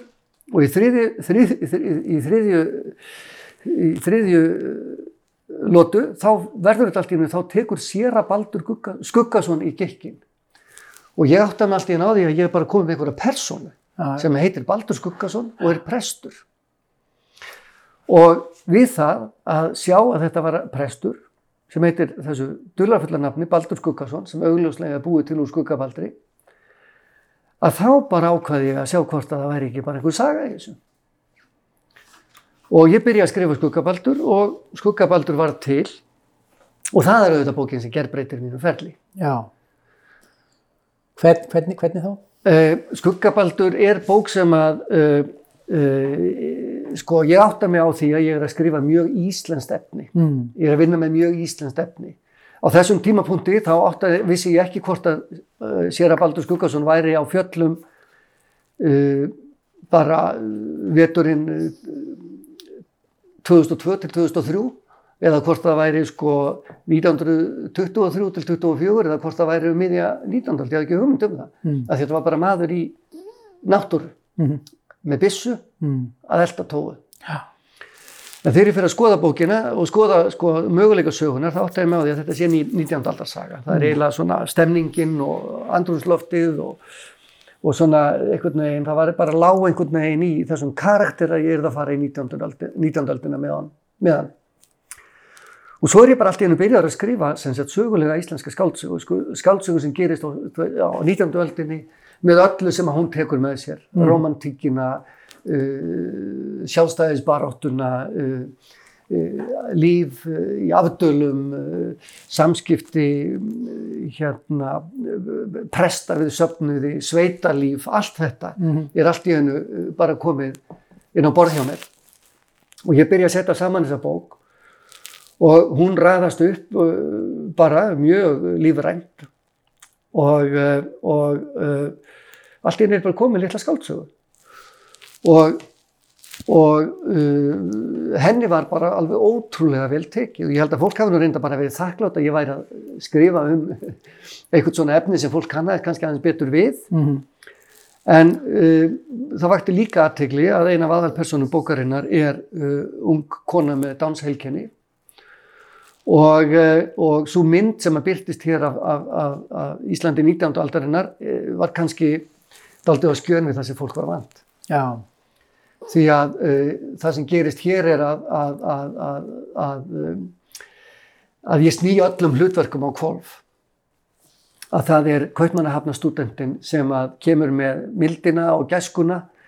Uh, það þarf að kenna Íslendingum að vera manneskjur. Já, þeir eru ekki sem sagt fættir góðir.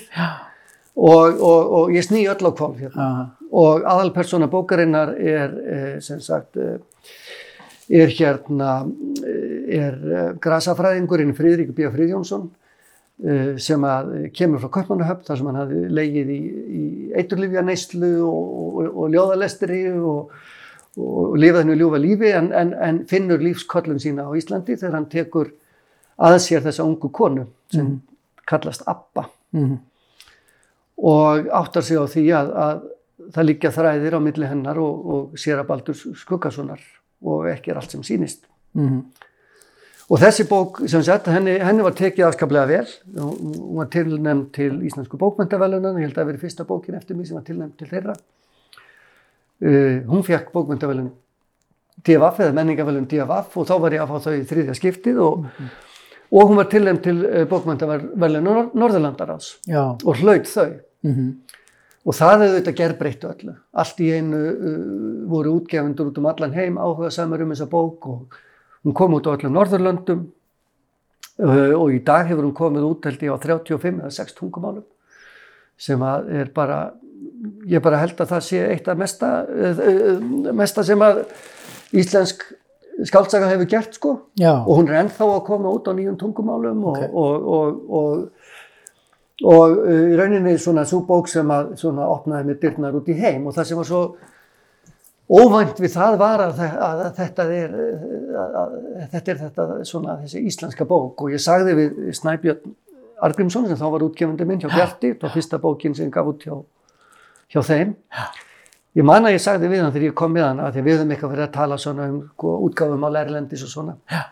Og ég man að ég sagði við hann, já hérna, þetta er nú sannlega íslenskasta bók sem að hefur verið skrifuð. Já, og mögulega norrænasta bók sem að hefur verið skrifuð. Svo við skulum ekkert, einu sinni vera að velta því fyrir okkur að, kynna hana fyrir erlendum útgjöfundum. aha, En svo var það nú þannig að, uh, að uh, ég hafði verið byrjaður að vinna þess með henni Viktoríu Kripp uh, þýðanda Mm. að því ég hafði beðið hana um að þýða fyrir mig auguðin sá mig á ensku já, að því mér langaði til að eiga hana á ensku til að gefa fólki eftir ég hafði verið þarna út í Englandi og enginn vissi hvað ég var að skrifa mm. Og þá hafði látið uh, þýða hana sem sagt og Vik- Viki hafði skri- þýtt hana og gert það svo vel. Og að ég bað hana um að þýða skuggabaldur á ensku bara svona í forbífartin já, og þá gerðist það að uh, uh, auðvitað sámur hafði komið út á spænsku og við sendum spænska útgefundanum skuggabaldur. Og, s- og, og í staðis að spænski útgefundin svara okkur þá, þá kom allt í hennu fyrirspurn frá Mondadori á Ítalíu. Já, já, um það hvort að útgáfurétturinn á þessari bók væri laus Já. og uh, Mondadori gaf hann út og, og, og, og þá áttuðu okkur allt í hennu því að sennilega væri þetta bók sem aðrir en Íslendingar getur lesið. já, Já. einmitt, já, já. Það er náttúrulega oft svona bækur sem virkar rosalega vel erlendis. Já, mjög svona þjóðlegar, sér íslenskar bækur, já, þú veist, sem er eitthvað svona, eh, veist, sérstakar fyrir Ísland og er kannski að lýsa ykkur um heimi sem að, þú veist, fólk erlendis þekkir kannski ekki mjög vel. já og það eru norðurljós og snjór og Já, einmitt. tóskittir í. Já, og þú ert að sækja náttúrulega í heimildir. Þú náttúrulega, Já. hefur verið mikið því að nota sögulegar heimildir og, og vinna talsverðar rannsóknarvinnu og... Já, og það er það sem að svona, svona, svona er nú einna skemmtilegast við þetta, finnst mér. Það er öll heimildavinnan og grúskið og leitin að hennu sögulega efni og, og, og, og, uppgötunin þegar ég finn eitthvað, eitthvað, einhvern texta eða eitthvað sem að sem að uh, svona, uh, gefur mér líkilinn að því hvernig er hægt að segja söguna eða hvernig er hægt að flytja hann áfram. Og í rauninni skuggabaldur er, er svona uh, sko, eins og allar mínar bækur uh, sko, er á einhvern hátt samkleipiverk Já, og ég get alveg sagt þér það að, að, að svona uh, sko það skaldalefi sem ég tek mér í því að að, að, að, að grípa aðra texta og endurvinna í minnum bókum Mm. hef ég frá Halldóri Lagsnes já, já, því að uh, í, hann er í rauninni brautriðandi í íslenskum bókmyndum í þessu að, að, vinna með texta annara og, og, og laga sínum texta og, og, umskrifa og það allt saman. En uh, ég held að Halldór hafi mögulega uh, sko verið sko sko þar í í þessari aðferð einfallega, þar hafa hann verið í rauninni að, að, vinna með hluti sem hann uppgötaði í, í, sem ungu maður í surrealismannum og framúrstefnunni þegar mm. -hmm. samklippimyndin verður til bæði hjá surrealistum og dataistum og, og öðrum Þú að tala um eins og í heimsljósi heimsljósi og, slíku. sjálfstæðu fólki Já, og, já. Og, og, og í rauninni sko öllu sem hann haldur gerir þá Mhm. er hann að klippa saman Mm. og mér finnst eins og fólk hafi sko ekki tekið eftir þessu sem í rauninni sko mjög nútímalegri avantgard aðferð í því að skrifa sögulega texta af því þetta verður ekki sýnilegt í hennum sögulega texta á sama hátt og ef þú ert að klippa saman myndir eins og Erró gerir til dæmis Aha, þar sem þú ert með nútíman allan í undir einmitt. þá verður klippimyndin sýnileg en hún verður síður sýnileg í sögulegum texta Já, þegar náttúrulega fólk þekkir náttúrulega mótífin sem er að að nota Já, og svo framvegis. já. og svo er það auðvitað sko, það er, það er náttúrulega hluta því sem maður er að gera, maður er að vinna með mjög eh, svona, eh, hvað ég var að segja, hérna, lítið þekktar heimildir og Já, maður já. er að grúska og maður finnur allt í einu eitthvað sko smárið einhver staðar í, í bókinni hjá, hjá Braga, þá finnur maður allt í einu eitthvað smárið sem var prentað kannski í 50 eintökum af einhverju manni sem lág mikið á hjarta Uh, þú veist, 1923 um, um nafnamálið eða eitthvað skilur Já, já, já, skilur einu já. bara finnur maður einhvern karakter þar sem enginn veit af nei, einmitt. Samanbein eins og með tóu skittir í Já. einhverju texta sem að fólk þekkir almennt sér ekki neitt. Já, og þar hérna sko hef ég þá vinnureglu að þegar ég er að vinna svona með texta annar að ég vinn bara með hvað ég var að segja, ég vinn aldrei með bókmyndalegan texta Nei, nei. ég, ég, ég myndi svona uh, hugsa mig þrísvarum ef ég þyrfti að fella inn bókmyndateksta eftir annan og þá myndi ég að fá leifi og þá myndi ég sérstaklega benda á það og annað slíkt. Aha, En þegar ég er að vinna með svona, sko til dæmis bladagreinar uh, frá 19. öld eða annað slíkt sko, þá fell ég það bara ó- óhikað inn í og, og, og, og aftur uh, get ég sagt að það er vegna þess að ég líti á texta, textar eru bara heimur, þetta er bara heimur textans. Mm, þetta er bara veröld út af fyrir sig. Og textar eiga að fá að tala saman yfir, yfir aldir og heimsálfur og, og, og, form. Mm, og ég ger alveg ráð fyrir því að einhver muni einhvern tímann taka eitthvað eftir mig og, og vinna það inn í bók eftir sig og, og reyndar kom út ljóðabók fyrir nokkrum árum nokkur mörgum árum reyndar sem að uh, heitir síðasta ljóðabók Sjóns já, já. og, uh, og hérna uh, þar sem að uh, tveir höfundar sem komu fram undir dulnefni, Caledonius, Mm, tóku ljóð, ljóð, ljóðabækur mínar og, og kliftu í tællur og, og kliftu saman við uh, texta úr einhverjum náttúrufræðibókum og annað. já, já. Og Og það var það eitthvað sem trublaði þig? nei, og mér fannst þetta alveg svakalega skemmtilegt Já, já. og, og í rauninni alveg frábært og tókst að koma skilabóðum til þeirra um það að þetta væri mjög þakklátt. Já, Já. já, einmitt. En hvað gerir þú svo eftir, eftir skuggabaldur? Svo eftir skuggabaldur þá hérna uh, sama ár og Norðurlandavelunni voru veitt uh, hérna uh, haustið 2005 Mm, þá kemur út bókin Argoarflísin mm, og uh, hún er upphaflega skrifuð þannig að, eða af þeirri ástæðu að, að, að Bjartur var í samstarfi við bókaforlag uh, uh, í Skotlandi sem að uh, nefnist Canongate og þeir voru að gefa út alþjóðlega röð uh, hérna uh, nýra stuttra skáldsagna sem að byggðu á góðsögum og og, og hugmyndi var svo að ég myndi skrifa bók inn í þennan bókaflokk. Mhm. og, og uh, ég var alveg til í það sjálfsögðu. Og hérna byrjaði að skoða, skoða, skoða efnið og þá verður til algóðaflýsin og ég byrjaði nú reyndar á því að skoða norrnar góðsögur Mhm. og okkar gamla arf en, uh, en uh, fann ekki leið einhvern veginn almennlega til þess að gera eitthvað að viti við það, sérstaklega vegna þess að ég var komið með grunnbók, grunnsögu í þetta sem var, eru æfiminningar uh, langafa míns, Mattias Þorðarssonar frá Móum, ekki sem sagt þjóðminnavarðar, en, en þeir voru frændur hins vegar. Og hérna og það er sem sagt ferðasaga sem að, uh, sem að Mattias uh, skrifar sem uh, gamall maður. Og skrifar hann ferðasögu af því þegar hann fer með skipi til hérna til eh, Svartahafsins og siglir frá Danmörku og Norður-Afríku og inn í, inn í Svartahafið.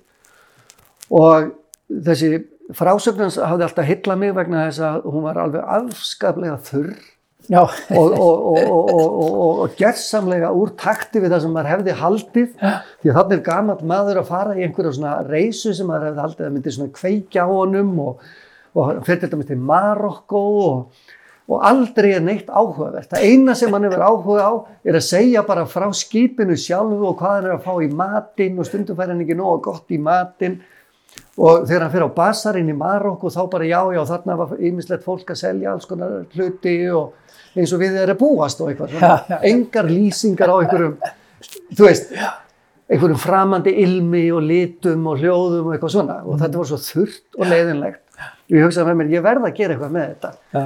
Af því að þetta var bara eins og svona framúrstöfnu texti, þannig að það væri búið að þurka út allt úr textanum. Aha, og ég byrja að skoða þetta þannig, ég- þannig að svona hugmyndin hjá mér var að finna eitthvað sem tengdist hafinu af því að hann er á siglingu og mér langaði að finna einhverja góðsögu sem tengdist hafinu og ég fann ekkit í okkar gamla arfi sem er svo merkilegt. Er til afskaplega lítið af sögum til dæmis um ægi. Og, og, og, og ég er alltaf með kenningar um allt. Og mín kenning er svo að, að á þeim tíma sem það tók einn germanska um, sagnaarf að, að, að, færast sagt, upp Evrópu í gegnum mið-Evrópu upp Þískaland og upp til Norðurlanda að, þetta gerst á svo löngum tíma þeir voru búin að gleyma hafinu þeir loksins, loksins voru komni yngar norður og, og loksins þeir urðu siglinga, siglinga uh, þjóðir vikingar að þá voru þeir búin að gleyma allum sögum um ægi. Og það er mjög merkilegt að svona, að, að svona siglinga menning skuli ekki eiga mikla sögur um, um góð hafsins. En þannig, þannig er það bara. Mm, þannig að ég fór í, í gamlu gríkina og ég hefði lesið sem grískar góðsugur sem, sem, sem barn og úlingur mér til skemmtunar og þar finn ég sem sagt fyrir þetta Odysseus kvíðu eins og allir sko, en, en uh, það hefur skrifið ágætis bók upp úr Odysseus kvíðu á Írlandi af, af James Joyce þannig að það þurfti ekki mikið til þess að bæta nokkuð við Odysseus kvíðu.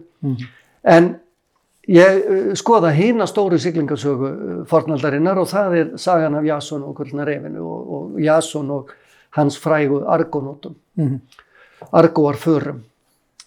Og þannig verður þessi bók til úr þessum samslætti uh, frásagnar langafa míns af ferð sem vorum fast afskaplega óspennandi og uh, einni stærstu siglingasögu uh, bókmyndana já, og ég ákvað að reyna að láta þessa tvo tíma raunverulega mætast. Þannig að í bókinni hittir aðalpersonan sem er Valdimar Haraldsson mm, sem byggir á langafa mínum, uh, hittir hann í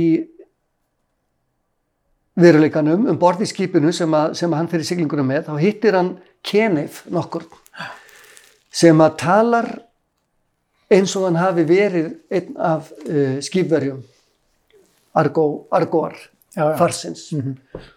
Og segir sögur úr fornöld og segir sögur frá því þegar hann og, og Jason og, og, og aðrir Argóar farar uh, verða innlyksa á eigu sem að, að byggð er kvennfólki mm, engöngu og úr þessum samslætti verður til argórfísin og já og, og, og svo er leinigjastur í bókinni sem að er uh, sem að uh, sem að er uh, íslenskur höfundur sem að sagði sögur sínar í tveimur æfiminningum uh, sem að nefndust Ég sigli minn sjó og Enn sigli ég sjóin og það var uh, sæfarinn Hrafn Valdimarsson sem skrifaði þessar bækur.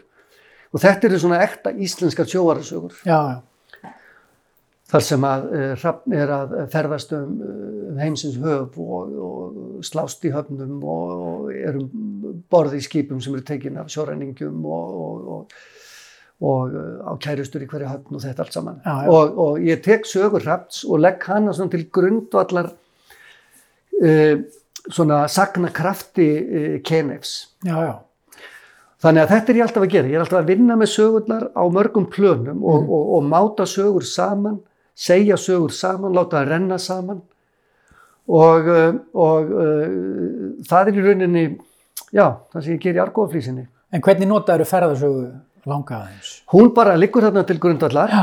og, og, og, og þetta hvað maðurinn var ofbáslega upptekinn af því að, að, að, að lýsa innanstokks munum á þessu skipi sem hann fór, fór- með að það verður svona, það verður svona aðferðin við, við, að, við, að, við að eh, eiga við þennan gamla mann en sko Mattías var líka höfundur síldarsögu Íslands.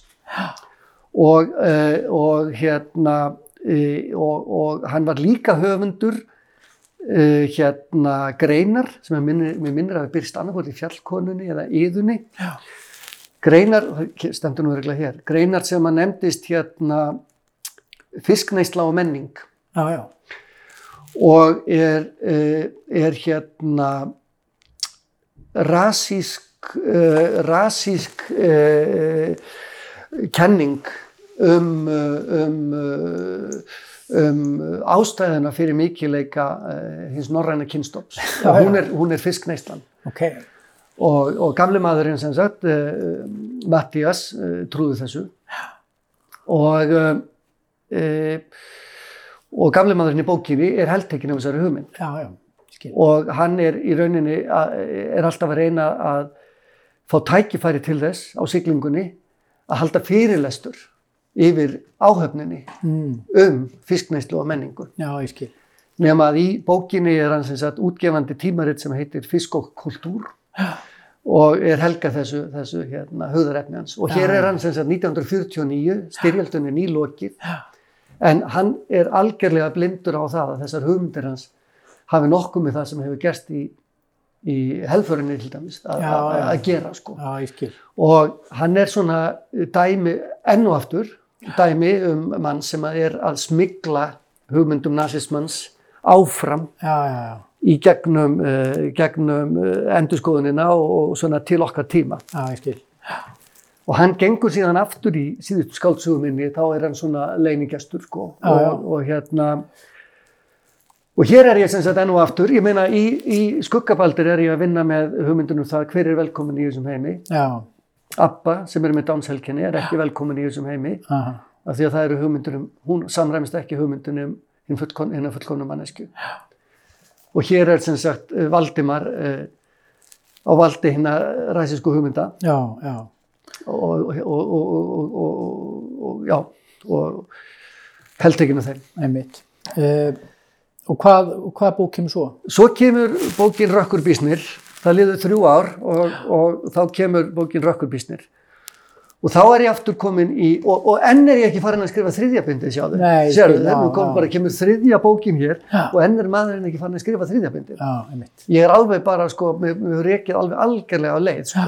En þarna varstu ennþá, ég minna, þú varst með á tekniborinu að skrifa. Já, já, já, já, og, byr, og byrjaður að skrifa hana og bara með fullt af köplum og, og allt mögulegt, sko, en aldrei einhvern veginn kemst í almennilega stað að- klára þetta. Já, já, já.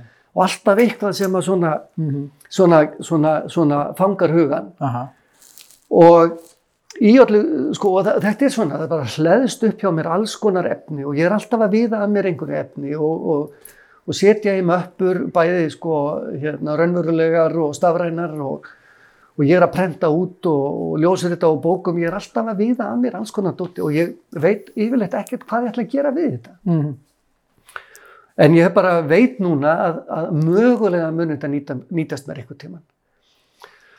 og uh, Rökkurbísnir, hún, hún fyrir að verða til allt í einu, þessi bók, að, vegna þess að, og ég held meðal annars hafi þessi bók orðið til uh, uh, í kjölfar þess að ég, svona, ég, ég, ég var virkur í, í hérna alþjóðlegum samtökum rittöfunda, PEN, Mm. og, og, og uh, þá allt í einu fæ ég sín á sögu uh, Jóns Lærða. Allt í einu fæ ég ákveðna sín á sögu hans sem ég hafði ekki haft.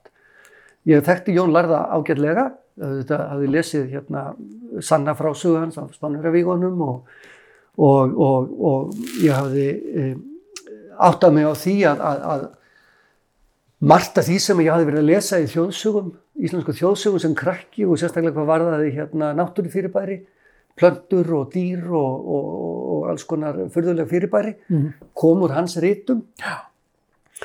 Og einhvers staðar hafði ég rekist á það að hann hefði í rauninni verið eh, einhvers konar eh, lærisveitn eh, Paracelsusar sem var læknir og, læknir og svona heimsmynda spekulant eh, á miðöldum að hérna og, og Paracelsus hafði ég hins vegar rekist á í, í, í, í, í surrealismannum Mm. af því að náttúrufræði Paracelsusar harmonariði við ímislegt sem var verið að gera í surrealismannum þegar það verið að svona vinna með líkindi e, í, náttúrunni Mhm.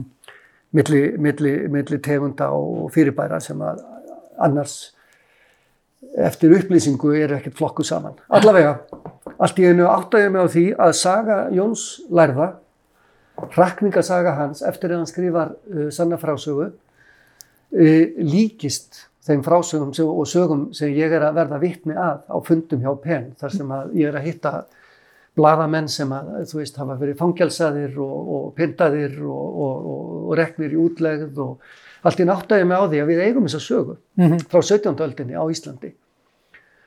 Af því að Jón með því að skrifa sanna frásögu uh, fer, fer gegn uh, henni ofinberu sögu Ara Jögri sem er að þetta séu bara sjóræningar sem að hafi gert hér árás og saklausu borgara sem þurfti að verja hendur sínar og, Mhm. og, og, og, og, voru drefnir út af því.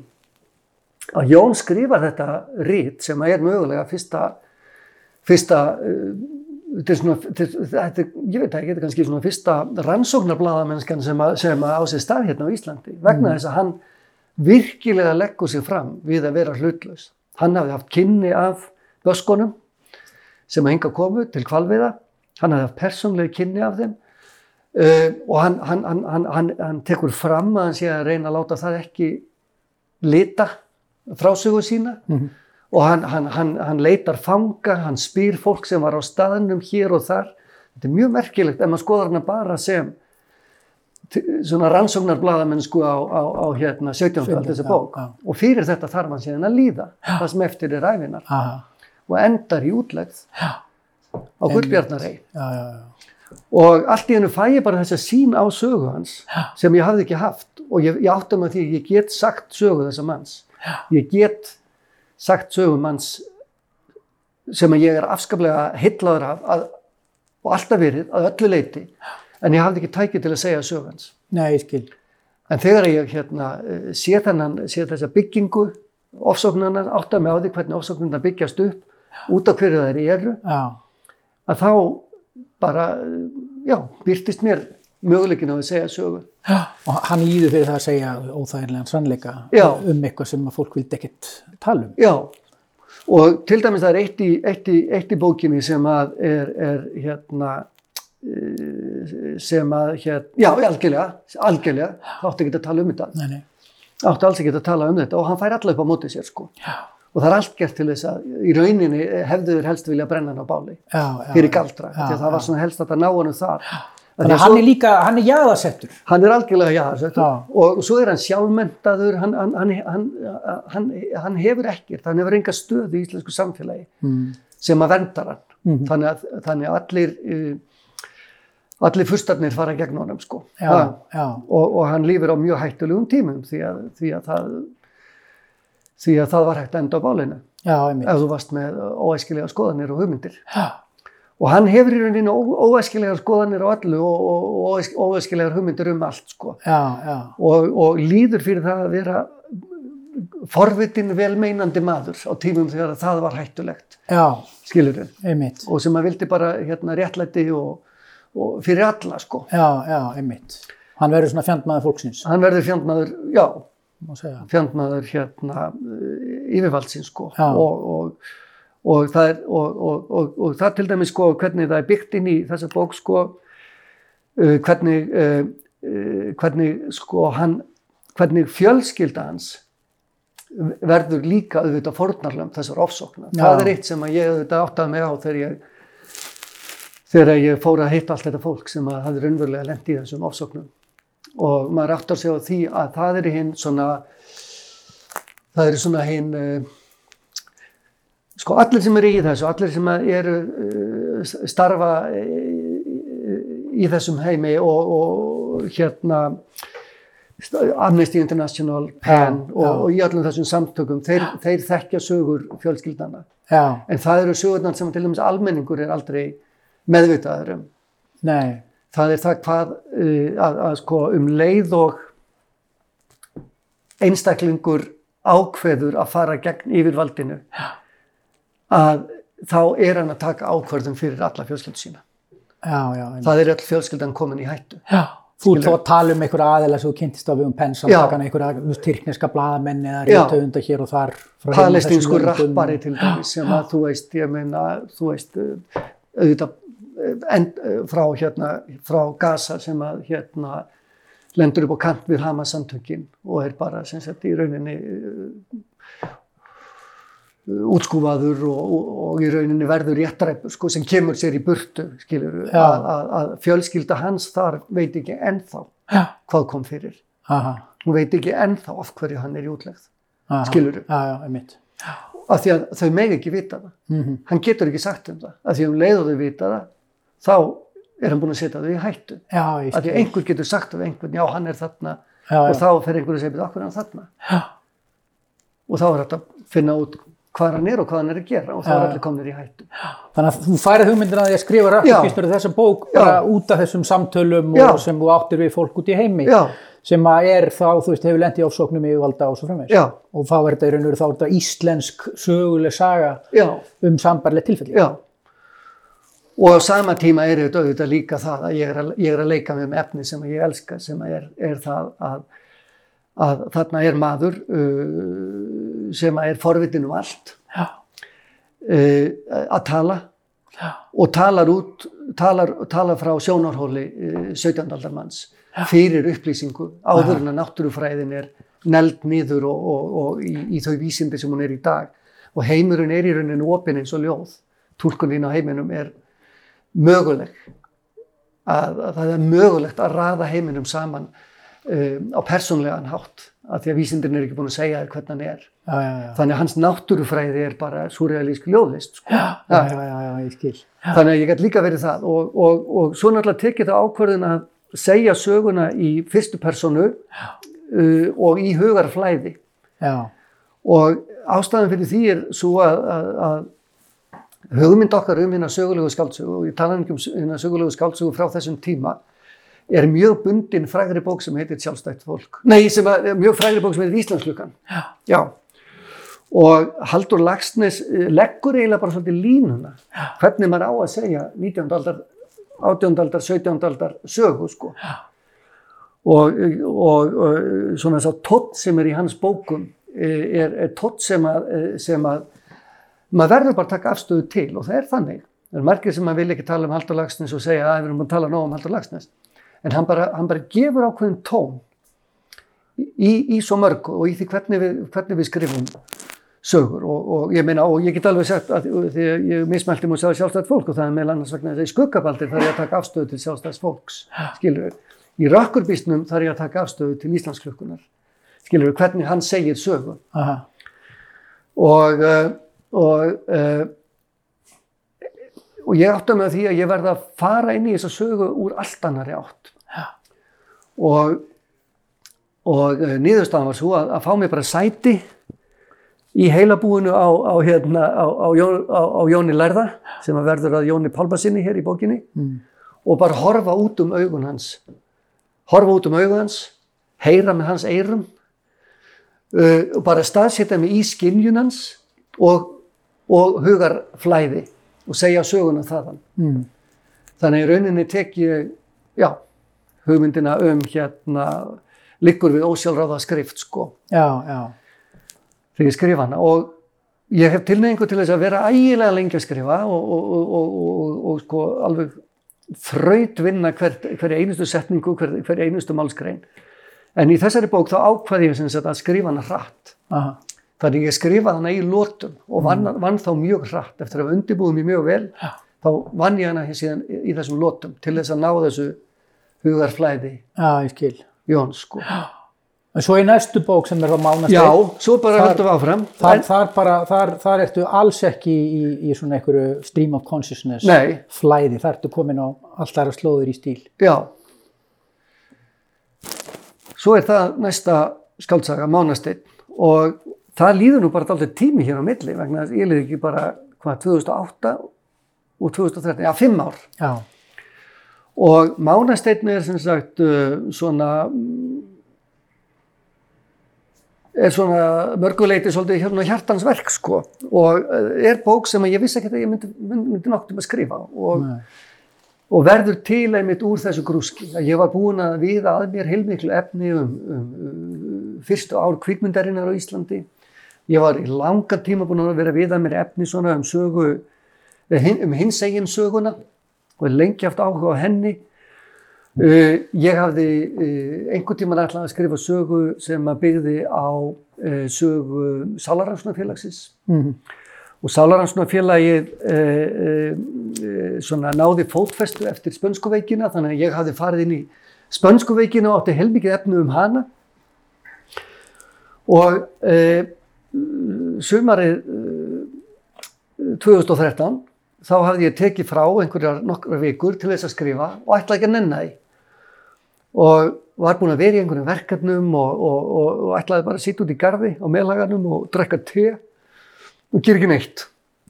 Og þá sagði Ásgerður Júniusdóttir, kona mín, hérna þú varst búin að taka frá þessar vikur, farðu á Eirabakka og bara sjáðu hvað gerist. Bara ekki vera hér í garðinum að drekka te og, og kvarta svo við mig að þú hafur aldrei tíma til þess að skrifa og eitthvað svona. Ha. Svo ég svona hundskast austur einhvern veginn svona og veit ekkert almennilega hvað ég er að fara að gera og byrja svona að taka til aðeins í tölfunni og skoða hvað ég er með og, og rekst á einhvern, hérna, einhverja möppu með, með efni um spönsku veikina og fer eitthvað að skoða það sem er mér, já, hérna, hér er með allt, með allt þetta og það er engin búin að, og fer eitthvað að skoða þetta og átt á mig því að það er engin búin að skrifa skáldsögu sem gerist í spönsku veikina. Mm. Ekki síðan að Gunnar Gunnarsson skrifaði Sælir eru einfaldir eh, 1919 Ok. og hugsaði með mér, hvernig stendur á þessu? Og bara það raðast hérna allt saman upp á bara nokkurum vikum.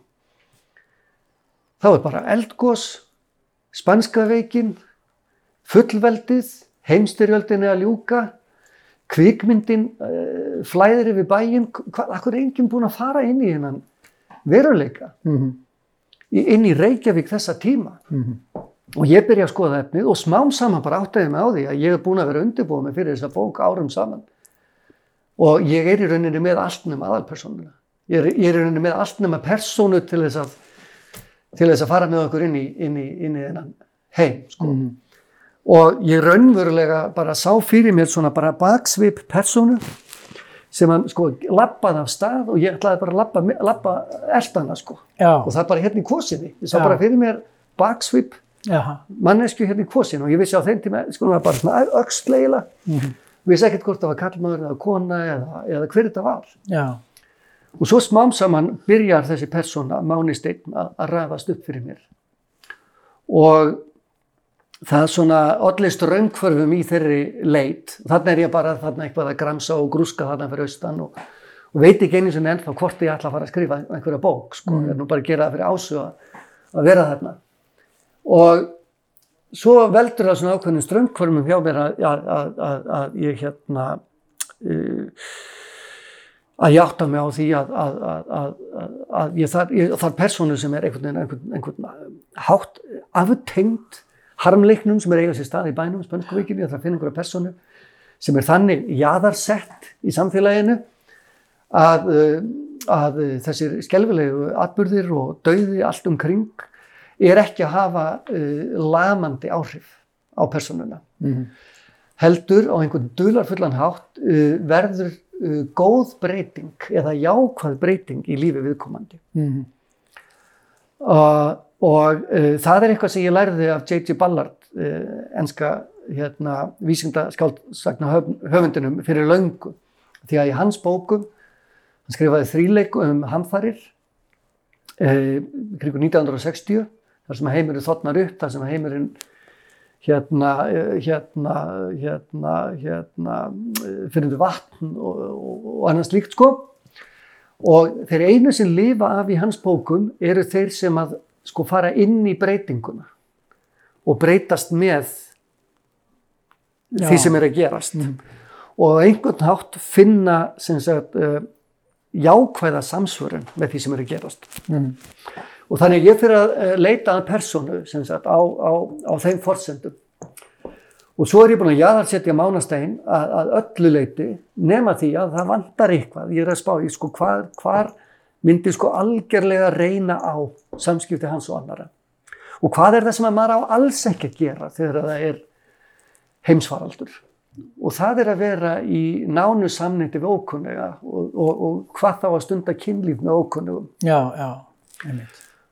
Og ég velti verið mér, byrju, hvað er hann þá hérna, er þetta einhver ungur Don Juan sem er hér farandum allan bæja, sofandi hjá konum, betri, betri konum, betri frú Reykjavíkur og eitthvað svona, æ, nei, það fannst mér ekki spennandi. Og þá las ég bók um það leiti eftir uh, indversk uh, breskan höfund sem heitir Neil Mukherjee, bók sem heitir uh, Líf annara og á ekkert skilt með myndinu um Nei. Östur Þískaland. Mm. En í þeirri bók er, er ungur maður sem að eins og persónan sem ég var að skrifa bjó með einhverju gamalli konu og það var eitt svo, eitthvað svo fallegt við það hvernig hann Níl skrifaði samband þeirra og síðan á, þú veist, blaðsíðu 85 eða eitthvað lætur komi ljós að hann er hommi og fram að því hefur ekki haft hugmynd um það af því að hann er að byggja upp persónu sem að er ekki, það, er ekki það eina sem skilgrinir þennan, þennan strák. Mhm. Og ég lesi þetta, lesi þetta bók og allt í einu sem er mér bara málisteinn. Hann er bara hins einn. Þá bara passar þetta allt, það gengur allt saman upp. Já. Bókin gengur upp. Já. Allt einu gengur allt saman upp. Mhm. Samskipti hans við, annara, við aðra, sem sagt, uh, hann er lífið í skuggunum og þess vegna mun hann lifa af, sko, og þess vegna verður þetta á einhvern nátt jákvæð breyting í hans lífi einhvern dularfullan hátt, þá færist hann frá jæðrinum inn að miðjunni aha, í hamförunum. Og ég átta mig á því að uh, með því verður Mánisteinn á einhvern undarlegan hátt uh, uh, líka myndlíking fyrir fullveldið.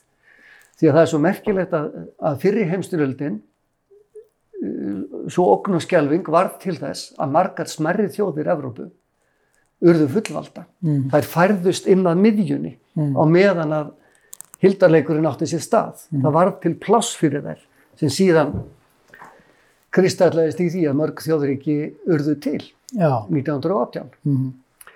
En allavega, þannig var Mánusteinn til og þetta var, var mikið ferðalag og það má segja að það sé svona svo bók sem að uh, uh, svona, uh, sko, mér finnst, mér finnst það vera svo bók sem svona, end, eh, svona, svona endanlega eh, svona, svona staðfesti svona stöðu mína sem íslensku reythöfundur já, já, einmitt, einmitt, já, og það er svona, svo, það er svona svo að mínu bókum sem að fyrir utan skuggabaldur sem að hefur átt mikið og langt framhaldslíf og er ennþá lesin og er alltaf endurprentuð og svona. Að þá hefur Mánasteinn sem sagt eh, verið svona svo bók sem best hefur verið tekið á öllum mínu bókum. Á, á, Íslandi, Íslandi, já, já, já. En, en erlendis, hvernig er með, hvernig, Jó, en hún er líka er mjög, hefur, hefur verið tekið mjög vel Erlendis. mjög vel erlendis og er, já, manni finnst eiginlega að vera svona eiginlega sko, eins og ferðasaga í Reykjavík, veist, það er svo mikil reyfing í bókinni allan tíman og hann er á svo miklum rakhólum allan tíman, hálfgerðum vergangi, fla, svo umkomulaus og hérna, já, þetta Já, er svona, hann svona kemst, hann getur verið einhvern veginn alls Já, staðar alls og staðar, já, já. af því, að, þetta ástand skapast, þá opnast einhvern veginn, einmitt, einmitt. Já. Það myndi mér svona pínu á hérna, svona ferða, ferðasögur eins og hérna The Road eftir hérna Cormac McCarthy. Það gerist það sem eru svona hamfarir og þú veist, ungu drengur og pappast er einhvern veginn á vergangi. Hann er einhvern veginn þar, en Já. hann er bara einn. já, Og þú veist, fer á milli manna og selur sig og þú veist, selur Já. sig stundum ekki já, og eitthvað svona. Það er Svo óbúslega umkomulegs. já, og svo næri einhvern veginn bókin næri einhverjum, þú veist, hápunktur bókarinnar þú veist, sem er náttúrulega talað um í hérna, eftirmálunum í, í þessari útgáfu. Það er þessi ótrúlega sena í lokin þar sem að hann stundar kynlíf með danska sjóliðs, hérna, sjóliðanum. Já, já, þú, veist, þú, þú finnur bara kraftin í, í þeirri sen Já, já. hann er svakalegur sko. Og þú finnur veginn bara hvernig sagan næri einhvern veginn sínum hápunkti, já, finnst mér sko. rosalega stert já, já. Ég, ég var alveg, var virkilega ánægður þegar, að- þegar, að- þegar, að- þegar að, svo hugmynd kom til mín sko. Að- varð, hann varð að vera niður í bæ eins og aðrir. Hann varð að vera niður á torki eins og aðrir. já, Fyrsta desember sko. já, Og hvað gerir minn maður sko? já, og, og ég var að lesa sagt, heimildur um fyrsta desember og svo tek ég eftir einnig setningu og þar voru stattir sjóliðar og ég bara ok, ég veit alveg hvað minn maður verður að gera. Já, já, já, já, einmitt, einmitt. og þú fegst líka, þú fegst mikið rós fyrir sko hann eins og flestir vita það er ekki auðvelt að skrifa sko sannfærandi og góðar kynlífslýsingar. Nei, nei, nei, nei. En þú gerir það nú heldur betur þessari bók og, og hefur fengið klapp á baki fyrir. Já, já, ég fekk rauður rapsfeðurina fyrir, fyrir bestu kynnislýsingu ársins. Ég held að hljóta að hafa verið fyrsti desember sko. Já, já, já, það er þessi svona loka, eða loka sena þar sem bókin er svona sínum hápunkti. Já, já, já, já og, og, henni, og ég fekk íslensku bókmyndavelunin fyrir hana sem er, sem er var, var mjög, mjög, mjög gaman. Og, og, og svo er auðvitað verði að segja sko að, að uh, það skipti mér mjög miklu máli hvað henni uh, var og hefur uh, verið vel tekið af hinsegin samfélaginu á Já. Því að ég var mjög meðvitaður um það þegar ég skrifaði hana að, að ég er að skrifa hana utanfrá sem miðaldra hvítur gagkinniður karlmaður sko. já, já, og, uh, og uh, það var svona, það, þú veist, minna, það var eitt af því sem að ég bara vissi, bara um leið og ég vissi að hann væri hins einn að nú vissi ég það, ég nú er því að vanda mig. Og, og ég kemist ekki upp með neitt þvaður þar sko. Nei, nei, nei. Og uh, já, og þá kom sér nú vel að hafa lesið mjög mikið af, af hins egin bókmyndum af því að þegar að ég er ungur höfundur og, og maður er að leita sér eitthvað að lesa einhverja að lesa og uh, fer á slóðir manna eins og William S. Burroughs og maður fer í hérna það sem á þeim tíma voru neðanjarðar bókmyndir já, já, að þá voru hins egin bókmyndirna þar. Já, Þannig að ég les mjög snemma, til dæmis minna William Burroughs sem er mjög berorðar lýsingar af, af, af, af, af kynlifi kallmanna og, og annað slíkt. Þannig að ég er aldrei neitt feimin eða hrettur við það og finnst það neitt skrítið. Sko. Það er bara, og ég skildi líka svona uppreistnar kraftin í því og, og sögninni sem ég gæti sko, sett í það.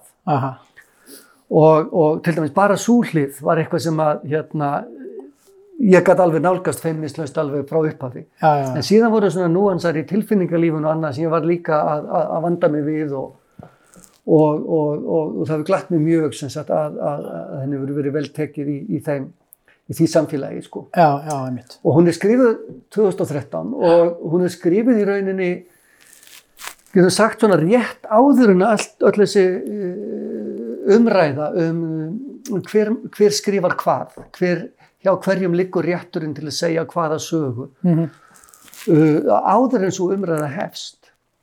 Og ég er ekkert viss um að í dag myndi ég skrifa hana. Nei. skilur af því að hugsa að það er bara það komið svo mikið af öflugu fólki núna hérna í hinsegin samfélaginu Já.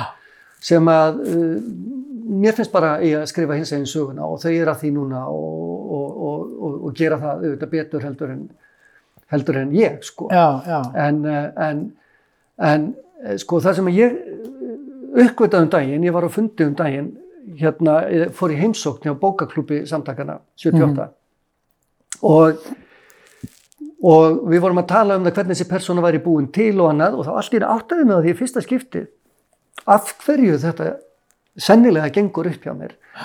Og það er vegna þess að þetta kom síðast. Ég er búin að byggja hann upp alveg sem heila personu Mm. með bíodellu og, og, og öllu því sem ég gæti átt samíðilegt með 16 ára strák eh, árið 1918 áður en hins eiginleikin kom inn þannig að, að, að, að það er ekki það sem skilgarinn er hann fyrst og fremst Mm.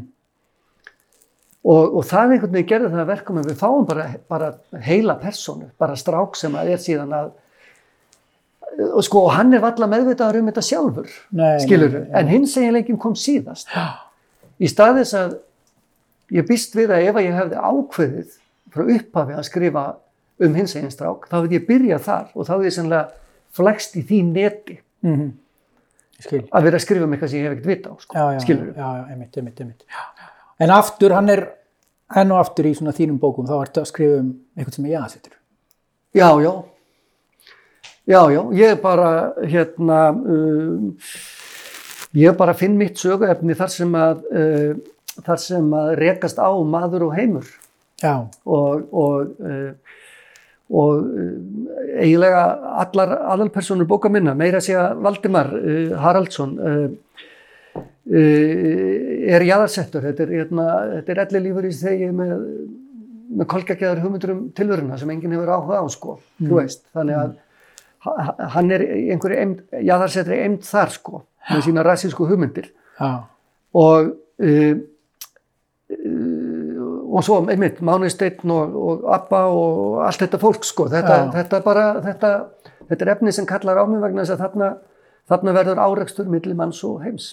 Og, og stundum vegna þess eins og til dæmis með Öbbu, ég meina Abba er með Downs heilkenni, það er hún, hún fæðist í, sem sagt, hún fæðist bara hún, hún er bara, hún, hún bara fæðist í mótsögn við það sem, að, það sem er talið heilbrygt og eðlilegt. Mánisteinn, þannig sé líka hann fæðist bara og, og hann er bara upp á kant en síðan er hann líka að mynda sér alls konar skoðanir um, um menn og málefni og, og, og, sækir sína reynslu og, og lærdom í bíómyndir skilur og allt er þetta fólk sem á einhvern nátt er að búa sig til það er að búa sig til í átökum og vissan átt í átökum við heiminn. Já. Einmitt. En já, svo er það bara síðasta, síðasta bókin, uh, já, síðasta skálsagan. síðasta skaldsagan og það er kortgult hár, grá augu. Og enn erum við með mann sem er utan garðs. Mm. en í stað þess að vera með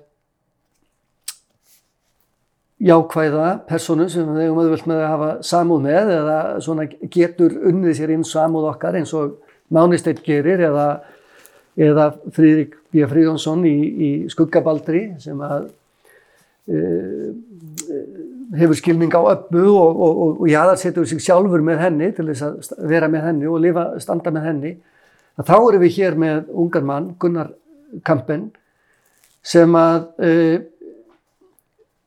uh, stopnar nínasista hreyfingu á Íslandi í lok uh, sjötta áratugurins og uh, og sko þetta er hérna þetta er svona mörguleiti svona mm, erfi, ég myndi halda þetta er mörguleiti erfiðast af bókið minn sko Ok. Já, af því að uh, ég setti mér það verkefni með henni að uh, skrifa hana þannig að uh, mm, Gunnar lifir nokkuð ósnertur í sínum hugmyndum og við fáum að sjá hvernig uh, uh, maður eins og hann getur mögulega orðið til í samfélagi sem að viður kennir ekki að hugmyndir nazismans hafa lifað áfram í samfélaginu eftir setni heimstyrildina.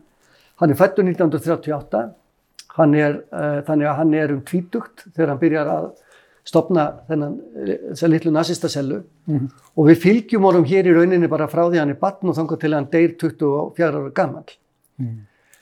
Og uh,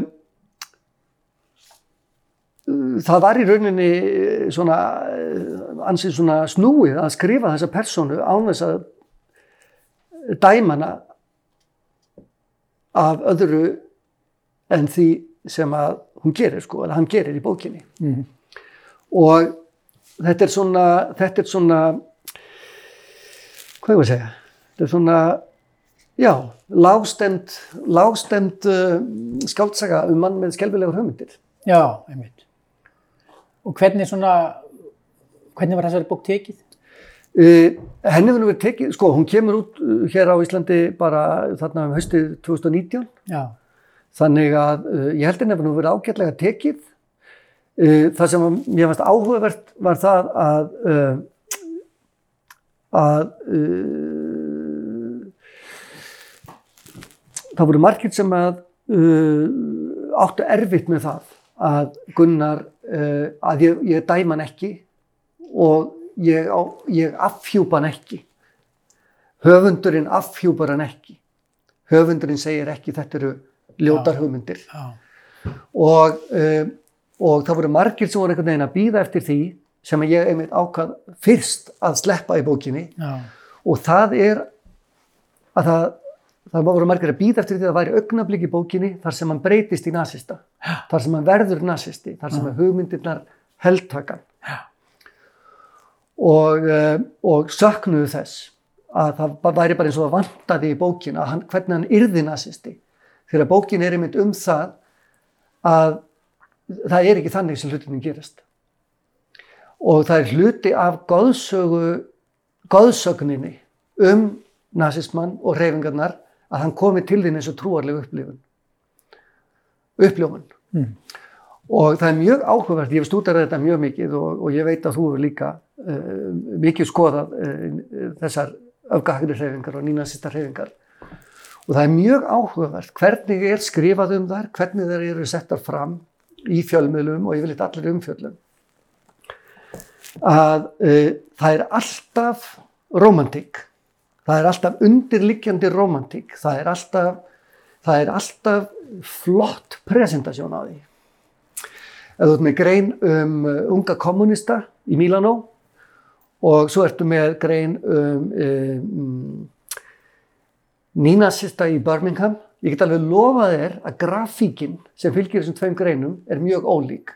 Grafíkin sem fylgir greininni um nínasistina í Birmingham er mjög flott eða voru það kommunistandir í, í Birmingham og, og í já. allavega, allavega það, það er alltaf ákveðin framsetning á þessu sem að við heldur hugmyndinu um þetta sem eitthvað spennandi mm, og að þarna sé einhver, einhverja uppljómun að hafa. Mm, og minnst að vera mjög áhugavert og ég vildi rauninni uh, uh, vinna með þetta efni þannig að það afhjúpaði hverstasleikan í þessu. Og þegar þú ert komin í þá stöðu að, að, að, að, að, að, að flokkur uh,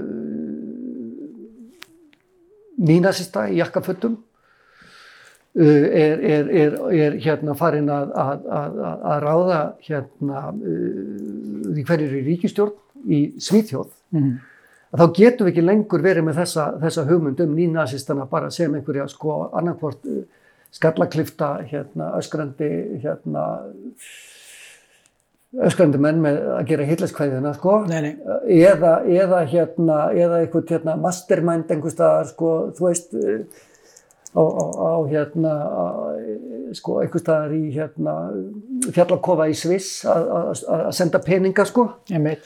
Þetta er bara venjulegt fólk. Já, já, og rannsóknir Helen Löf sem er sænskur hérna fræðimæður á, á, á nazistarhefingunni í Svíþjóð og nínazistum við leitt í ljós að flestir stuðningsmenn uh, nínazista, nú erum við að tala um fyrir sænsku demokratana, mm, voru svona millistjórnendur. Þeir sem að voru að fjármagna þetta, þeir sem voru að senda svona hérna nafnlausar hérna, hérna nafnlausan fjárstuðning og annað slíkt, þetta er svona millistjórnendur í fyrirtækjum hingað og þangað. Já, já, Það eru þeir sem voru nazistarnir. Og hvernig verður þeir nazistar? mm, Ekki með því að fá einhverju guðlega upplifun, heldur vegna þess að þeir samfélagið samþykir að þú, það sé, þú mjakist í þessa stöðu. mm, Það var eitt af því sem ég vildi skoða í þessari bók. já, En henni var hins vegar mjög vel tekið í Svíþjóð. já, já, hún var þýtt á Já, svensku. hún kom út bara nokkrum mánuðum síðar, hún kom út í mars Já. 2020, Já, bara rétt í þegar COVID-ið var að skella á og þá byrtust greinar um þessa bók í dagisnýttir og svenska dagblæðið sem voru mjög lofsamlegir og Þetta er náttúrulega svolítið kannski sem er eitthvað sem er náttúrulega ennþá nær þeim og sænskri umræðu núna út af svíþjóðademokrátum. Sko. Þetta Já. er svo nálagt þeim og, og einhvern veginn nálagt bara sænskri samtímasögu að þetta er stöðut í umræðinni eins og með svíþjóðademokrátum og svo framvegis. Það er ekki stjórnmálaflokkar í Íslandi sem hefur kannski náð veist, sama árangri þú veist, langt í frá og svíþjóðademokrátinir hafa gett í Svíþjóð. Sko. Já. Árangur þeir eru náttúrulega ótrúlega. Sko. En svo er það líka bara heldur vegna þess að hér uh, þekkjum við ekki nógu vel sögu þess sem gerðist eftir að nazistaflokkurinn gamli var laður niður Já. og hvernig, hann, uh, hvernig hans uh, fylgismenn uh, fóru flestir í sjálfstæðisflokkin, einhverju í alþjóðflokkin, einhverju í framsunaflokkin og hvernig þess, þessi, þessi reyfing lifði af. Hernámsárin og hefur lifað af áfram. Og Já. hvernig þessar hugmyndir uh, voru aldrei afgreitar í íslensku samfélagi?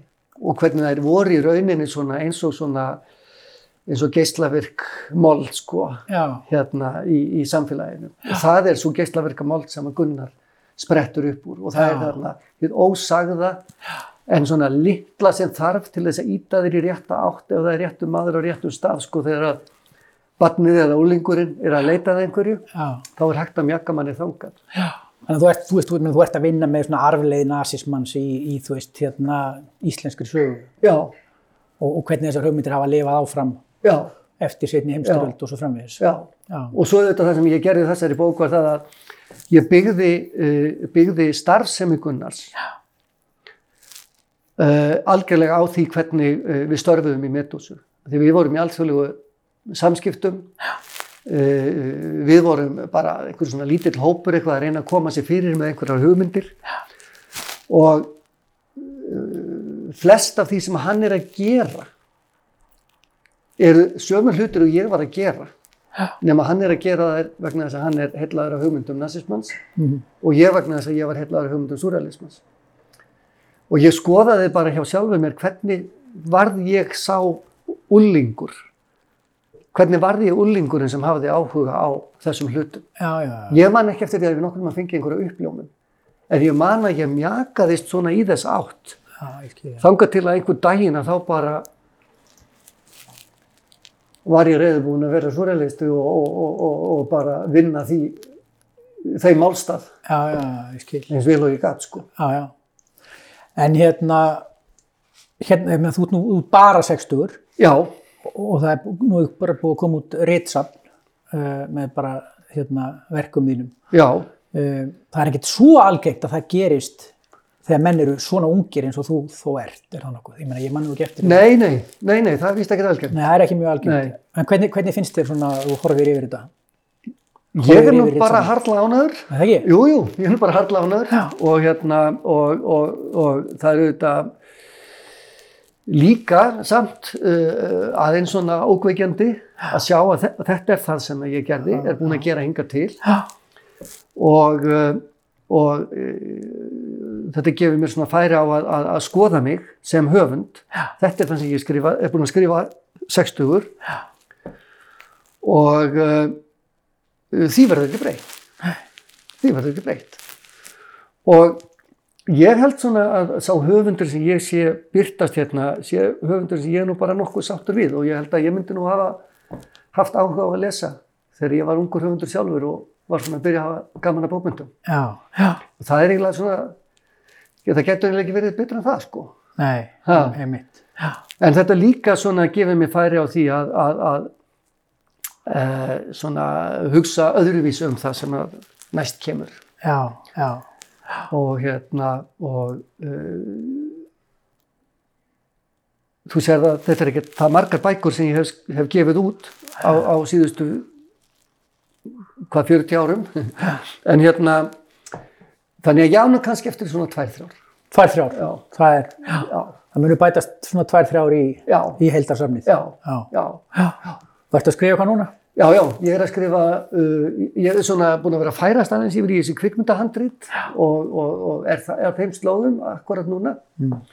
en ég er að leggja drög að næstu skáldsögu sem að uh, ég uppgötaði bara núna í sumar að, að, að, að yrði mín næsta bók og, og ég get bara sagt að hún ger, það verður fyrsta skáltsagan sem gerir svona á tíma sem að ég svona, uh, svona uh, lifðis, upplifði sjálfur og, og, og, og svona uh, því samfélagi sem að ég var að uppgötva á árunum svona, skulum segja, 74 til svona 82.